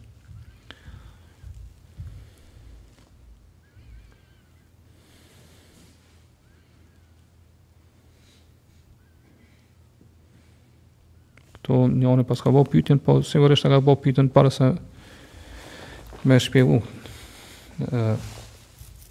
këtë çështje. Po vërtet është e, sahih që pejgamberi salallahu alejhi ve selem me një rast kur ka pa një, sa, një sahabi me ta, ka inkoraju dhe ka thonë kush po i bëhet xhamat këtij personi. E shpjegum këto, domethënë qysh kuptohet ky hadith dhe a është argument për këtë çështje a jo.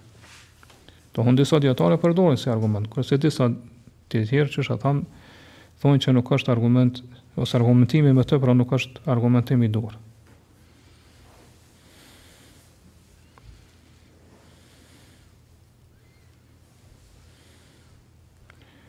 A lejohet me udhtu në shtetin arab 3-4 motra motra të familjes për umra. Kjo mes kjo pyetje po përsëritet shpesh. Edhe ë domethon për këtë çështje ka mospajtim mes dijetarëve. për për për haxh edhe për umre, edhe pse zakonisht çështja ka qenë për haxh, po çështjen që e kanë trajtuar dijetarët, a lejohet një grup i grave me shku në haxh pa mahram? Nëse rruga është e sigurt. Apo, domethonë, nëse njëna ka mahremin e vet, tjerat me shku pa mahremat e tyre. Disa dijetarë e lejojnë, nëse rruga është e sigurt. Domethonë, e lejojnë vetëm për haxh, ose edhe për umre. Ma shumë jo. Kurse disa dijetarë e ndalojnë ngase pejgamberi sa ka thënë që nuk ajo gruaja që beson Allahun edhe ditën e fundit nuk lejohet me udhëtu pa mahram. Edhe ka përgjithësu pejgamberi sallallahu alajhi wasallam që nuk bën me udhëtu qoftë edhe për haxh. Prandaj domethonë hadithet ose edhe ai ajet edhe hadithet që flasin që në haxh duhet me shku ai që ka mundësi Po dijetarët kur i përmendin mundësitë thojnë mundësitë materiale mundësitë fizike te gratë e shtojnë edhe mundësia e mahremit pra a ka mahrem a nuk ka nëse nuk ka mahrem s'e ka obligim haxhin madje nuk bën edhe me shku në haxh kurse këta dijetarë që e lejojnë thojnë që Domethonë qëllimi i mahremit është që me, me siguru rrugën, me siguru gruan gjatë udhës së atë rrugëtimit të saj. Dhe përderisa ato janë një grup i madh edhe kanë rrugën e sigurt, Atëherë qëllimi është arrit. Kështu që, domethonë, edhe nëse nuk kanë mahrem me veti prap, domethonë nuk bojnë gjynah. Për arsye se, domethonë, rruga është e sigurt. Allahu e di ma s'miri, por ma e sigurt është mos me shku pa mahrem. Domethonë, ngase hadithi i pejgamberit alejhi selam, pra ka qenë i përgjithshëm. Edhe nuk ka bo përjashtim pejgamberi alejhi selam. A lejohet një motër kur të falët vetëm me thirrë ikametën? Edhe kjo është një çështje që dietarët janë nda n'mendime të ndryshme. Disa dietarë madje e obligojnë thonë që çdokush që falet, qoftë burrë ose gru, e thirr, do t'me thirrë ikametën edhe ezanin. E ezanin dhe ikametën. Kuptohet gruaja e thirr Me zo t'ult, sa nuk dëgjohet jashtë shtëpisë së saj, edhe ikametin kuptohet me zo t'ult. Kurse disa dietarë e ndalojnë ngase thonë se çështja e ezanit dhe ikametit është çështje që ju takon për kompetencën e burrave është është është veprim që e kryejnë burrat dhe këtu nuk nuk do t'mu përzi gratë. Mirëpo Allahu e di ma s'mirti, mendimi ma i sigurt është që lejohet, po është mubah. Nëse don gruaja mundet me thirrë ikametin. Si dhikr, shpërblehet inshallah për këtë. Po thirri ikamet nëse don. Mirëpo nuk mund me thonë që është sunet ose që do të thonë preferohet është me urdhrot. Po nëse don munet inshallah me thirrë ikamet. Sprishmë.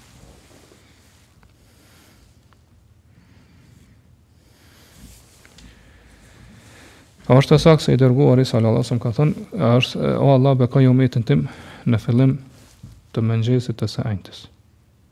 Nuk e di, Allah alem. Se di saktësinë e këtij hadithi. Disa njerëz aq shumë më kanë hyrë në hak dhe nuk më kanë kuptuar fare për gjendjen time të rëndë shëndetësore dhe emocionale. Sa që aq shumë jam rënduar nga ta, e kam lutur Allahun që t'i sprovoj me të njëjtën mënyrë. As më shumë as më pak, vetëm të sprovohen e t'ju bien ndërmend se në ç'gjendje kam qenë unë. A lejohet kjo gjë? Tash varet nëse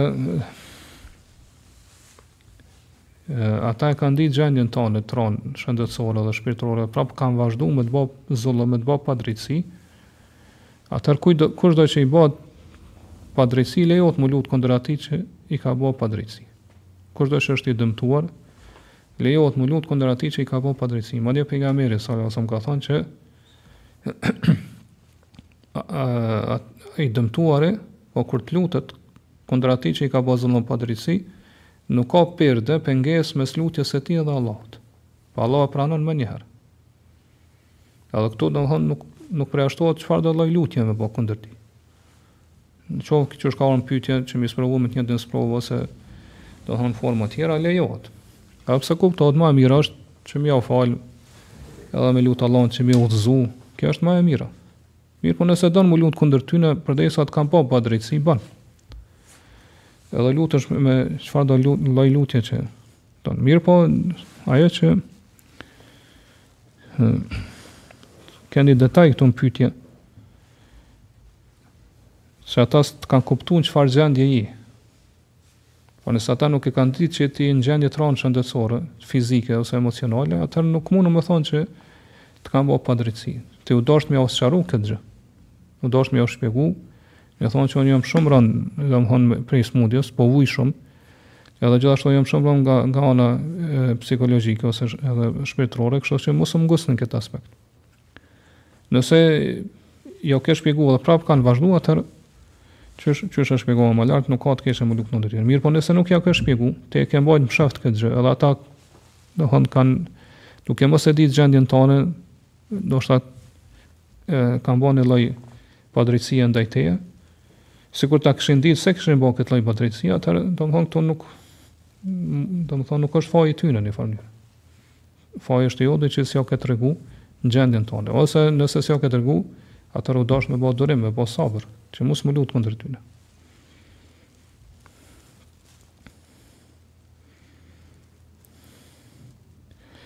A bën me bë ikamet duke ecë deri te vendi ku falësh kur jem punë. Nuk prish punë. Domethonë ikameti nuk është kusht që me bë ë me me thirr ose me bë duke qëndruar në komb. Nuk është kusht i ikametit kjo. Kështu që edhe nëse e thirr e, e thirr ikametin ose e, e bën ikametin duke ecë, në rregull është inshallah. Kur nisesh për të falur xhumanë dhe xhumaja është falur kur nuk dihet çfarë orare falin namazin e xhumasë, për shkak se me bie të lëviz në qytete të ndryshme, për shkak të punës, a është arritur shpërblimi i xhumasë.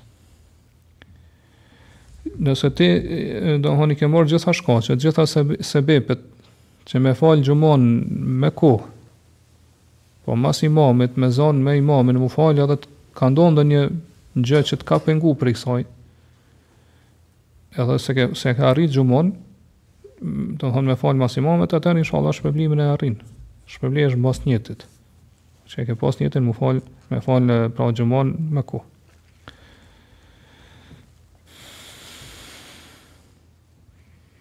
Si të veprojmë kur e falim namazin e ikindisë, vetëm për shkak që xhamia është larg dhe pastaj vjen ndonjë musafir, a lejohet me fal bashkë me të me nijet të namazit nafile?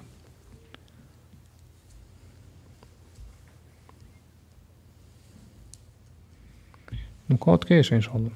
E me fal e me me ju bashkangjit atij.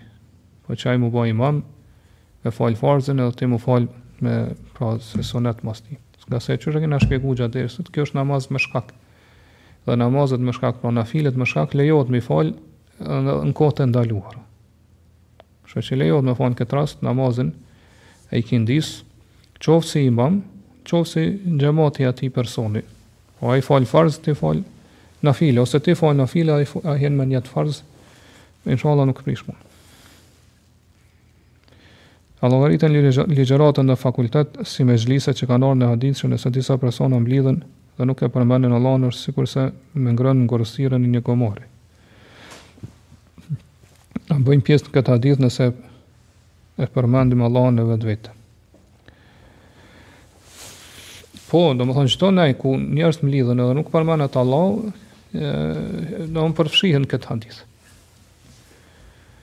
Mirëpo, qysh ka në, në, në pytje, munesh ti me bo dhikër në veten, domethënë me përmenë Allahun, me dërgu salavate për pejgamerin sallallahu alaihi wasallam, edhe inshallah nuk përfshihesh pasaj në hadith.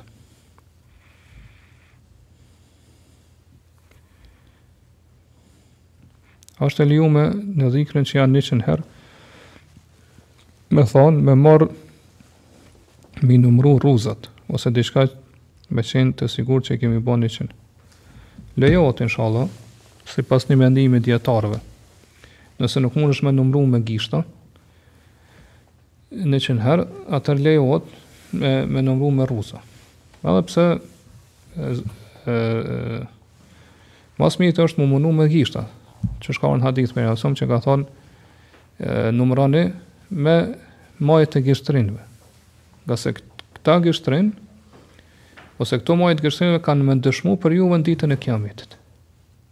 Po këta gishtrinj, majat e gishtave, po mollzat, ditën e kiametit kanë me folë dhe kanë me dëshmu që na përmes tyne kena përmenë Allahun. Sa ma shumë që i përdor këta, domethënë shpërblimi ose dëshmia ka me qenë ma e madhe. Kështu që nëse i përdor rruzat e hup këtë shpërblim. Mirëpo a lejohet me përdor rruza apo jo, këtu ka mospajtim dijetarët. Disa thonë që rruzat janë bidat, janë përngjasim me budistat, me krishtertë, që i kanë pasë para nesh, edhe nuk bon me i përdorë rruzat, kurse disa dijetarë i lejojnë përdorimin e rruzave, ose tash edhe këto aplikacionet që janë në telefon, me numra, ngase thonë këto janë vetëm mjete, dhe nuk janë qëllime. Po ti nuk i përdor rruzat, në kuptimin që përmes rruzave me adhuru Allahun, Ti adhuron Allahun përmes zikrit që e bën, kurse rruzat janë vetëm si mjet për me ta lehtësu këtë adhurim. Kështu që ë disa dijetarë lejojnë përdorimin e rruzave, sidomos në, në për faktin kur njeriu nuk ka mundësi po përmes gishtave me me numëru sakt një zikr që ka ardhur për shembull 100 herë.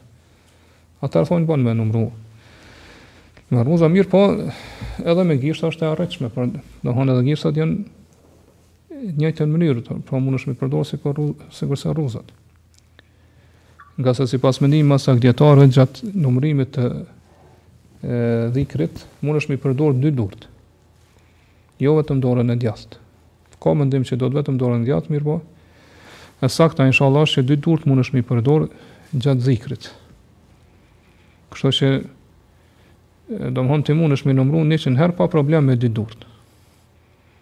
Po nëse e numëron për shembull subhanallahun ti 100 herë, qysh ka në hadith, kush thot subhanallahu 100 herë, 100 herë mrena ditës, i shlyen gjynahet edhe nëse janë sa shkuma e detit.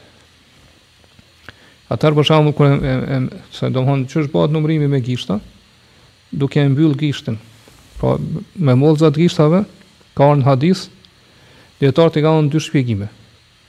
Po që mollzën e gishtit me prek këtu në, qysh me thonë këtu, në bark të shuplakës. Subhanallah, subhanallah, subhanallah, subhanallah, subhanallah. E mbyll, domethonë grushtin, pastaj, disa dijetarë thonë, munesh me hapë prapë. Subhanallah, subhanallah, në këtë formë.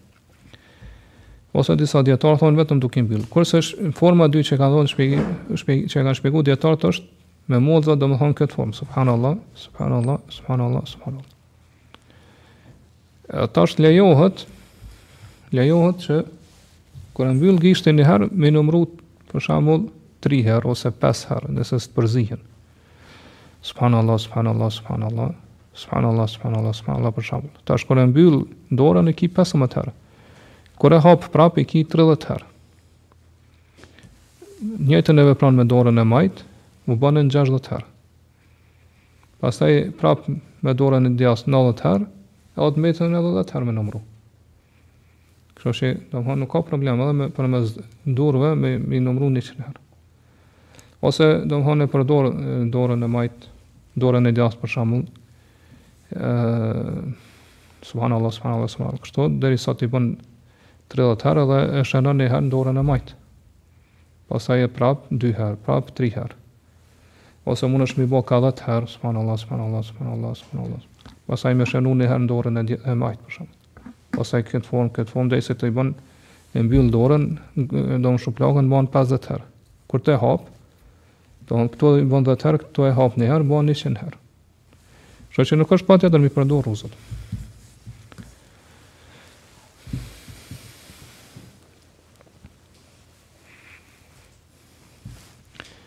Thotë pytja çka me bo dorën besës ne tash i kemi rritë fmijt. Dhe s'kemi ditë që e prish namazin si të veprojmë, edhe pse nuk më kujtohet në qind për qind, nuk më kujtohet momentin në qind për qind. Pyetja që kam harru domethon që ka ngrit dorën edhe nuk e ka vendos në sexhde. Ktu ka janë dy mendime t'dijetarëve. Domethon nëse dikush ka lënë mangu diçka prej shtyllave të namazit ose prej kushteve të namazit. prej mosdijes, edhe u fal në atë mënyrë me vjet, ose jo me vjet, po namaze t'caktume, a duhet m'i përsërit ato namazet, apo jo. Shumica e dijetarëve thonë, duhet m'i përsërit krejt namazet. E, një mendim i dijetarëve është që përderisa ka qenë i padijshëm, nuk ka nevojë m'i përsërit namazet. Edhe këtë mendim e përkrah Shejhul Islam Ibn Tejmije, Allahu e mëshiroftë. Edhe inshallah ky është mendimi i saktë. Që nëse dikush nuk prej mosdijes nuk e ka vepru një obligim të namazit ose një një një shtyllë t'namazit, edhe pse shtyllat do të thotë është pak e pamundur pa pa i ditë. Mirëpo ndonjë kusht t'namazit për shembull e ka lënë pa pa e kry ose në këtë rast për shembull nuk e ka ditë që duhet patjetër shtatë gjymtyrë m'i pas në sexhde. Përderisa ka qenë si si pasojë e mosdijes, atëherë inshallah nuk ka nevojë m'i përsërit këto namaze. Edhe pse nëse ndonjëri i din sakt që janë për shembull pak namaze, 4, 5, e i din cilat kanë qenë ato për shembull, atëherë më mirë është më e sigurt m'i përsërit. Përderisa ka mendim t'dijetarëve që duhet patjetër m'i përsërit. Mirëpo nëse janë shumë, për shembull, u fal me vite, duke mos e e kry një një një kusht t'namazit, atëherë inshallah këtu nuk ka nevojë m'i përsërit, se është vështirësi e madhe.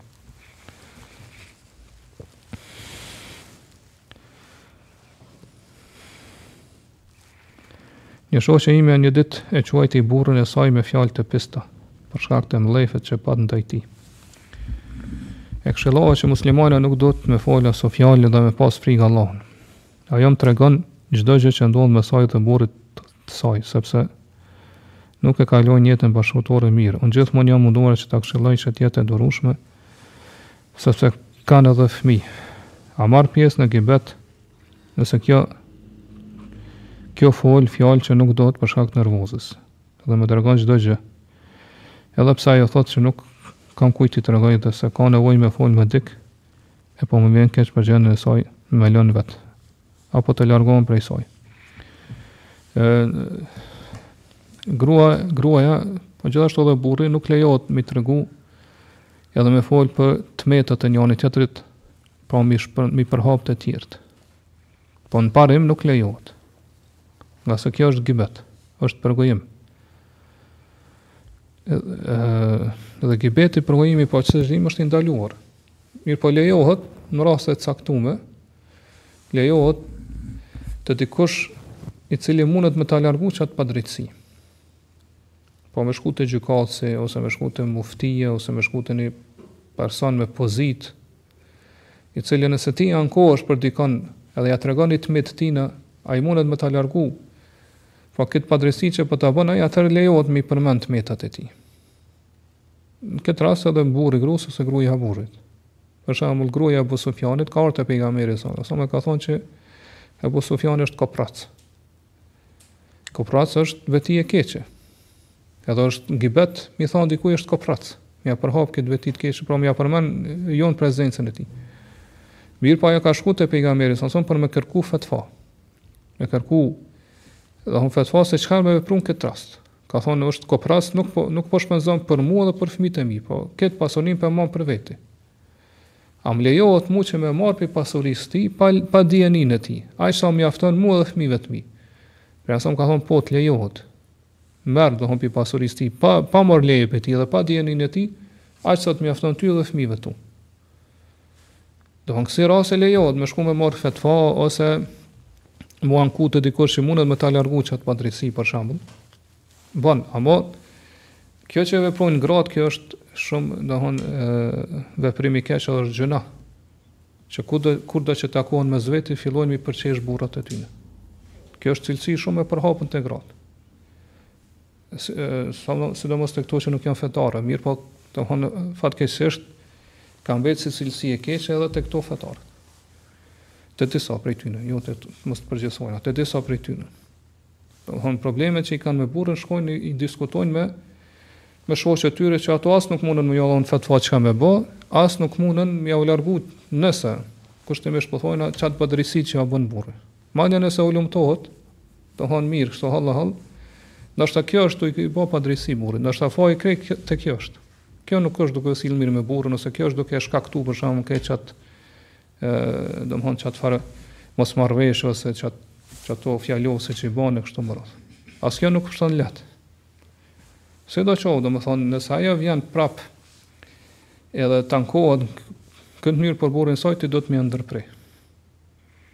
Ja m'i thanë që në prezencën teme mos fol për ta, ngase edhe unë konsiderohem bashkëpjesëmarrës në gibet, se as nuk muj me dhënë fetva, nuk kam dije me dhënë fetva, as nuk muj domthon domthon këtë çështjen tonë me ngrit te dikush që mundet me ta largua atë padrejtësi. Kështu që domthon dy jemi duke bë gjynah. Ti që po tregon, unë që po dëgjoj. Edhe pra duhet me ditë që ti po ndihesh keq për gjendjen e saj, mirëpo më shumë duhet me të ardh keq për veten. Pse se me këtë mënyrë ti po e ngarkon veten me gjynahe, duke ndëgju, do të thonë gibetin që ajo bën për burrin e saj. Prandaj ë duhet me, me këshillu atë qysh e paske këshillu në fillim, po duhet me ja, me, do të thonë me ja ndërpre. Edhe me i thanë nëse don me me vazhdu me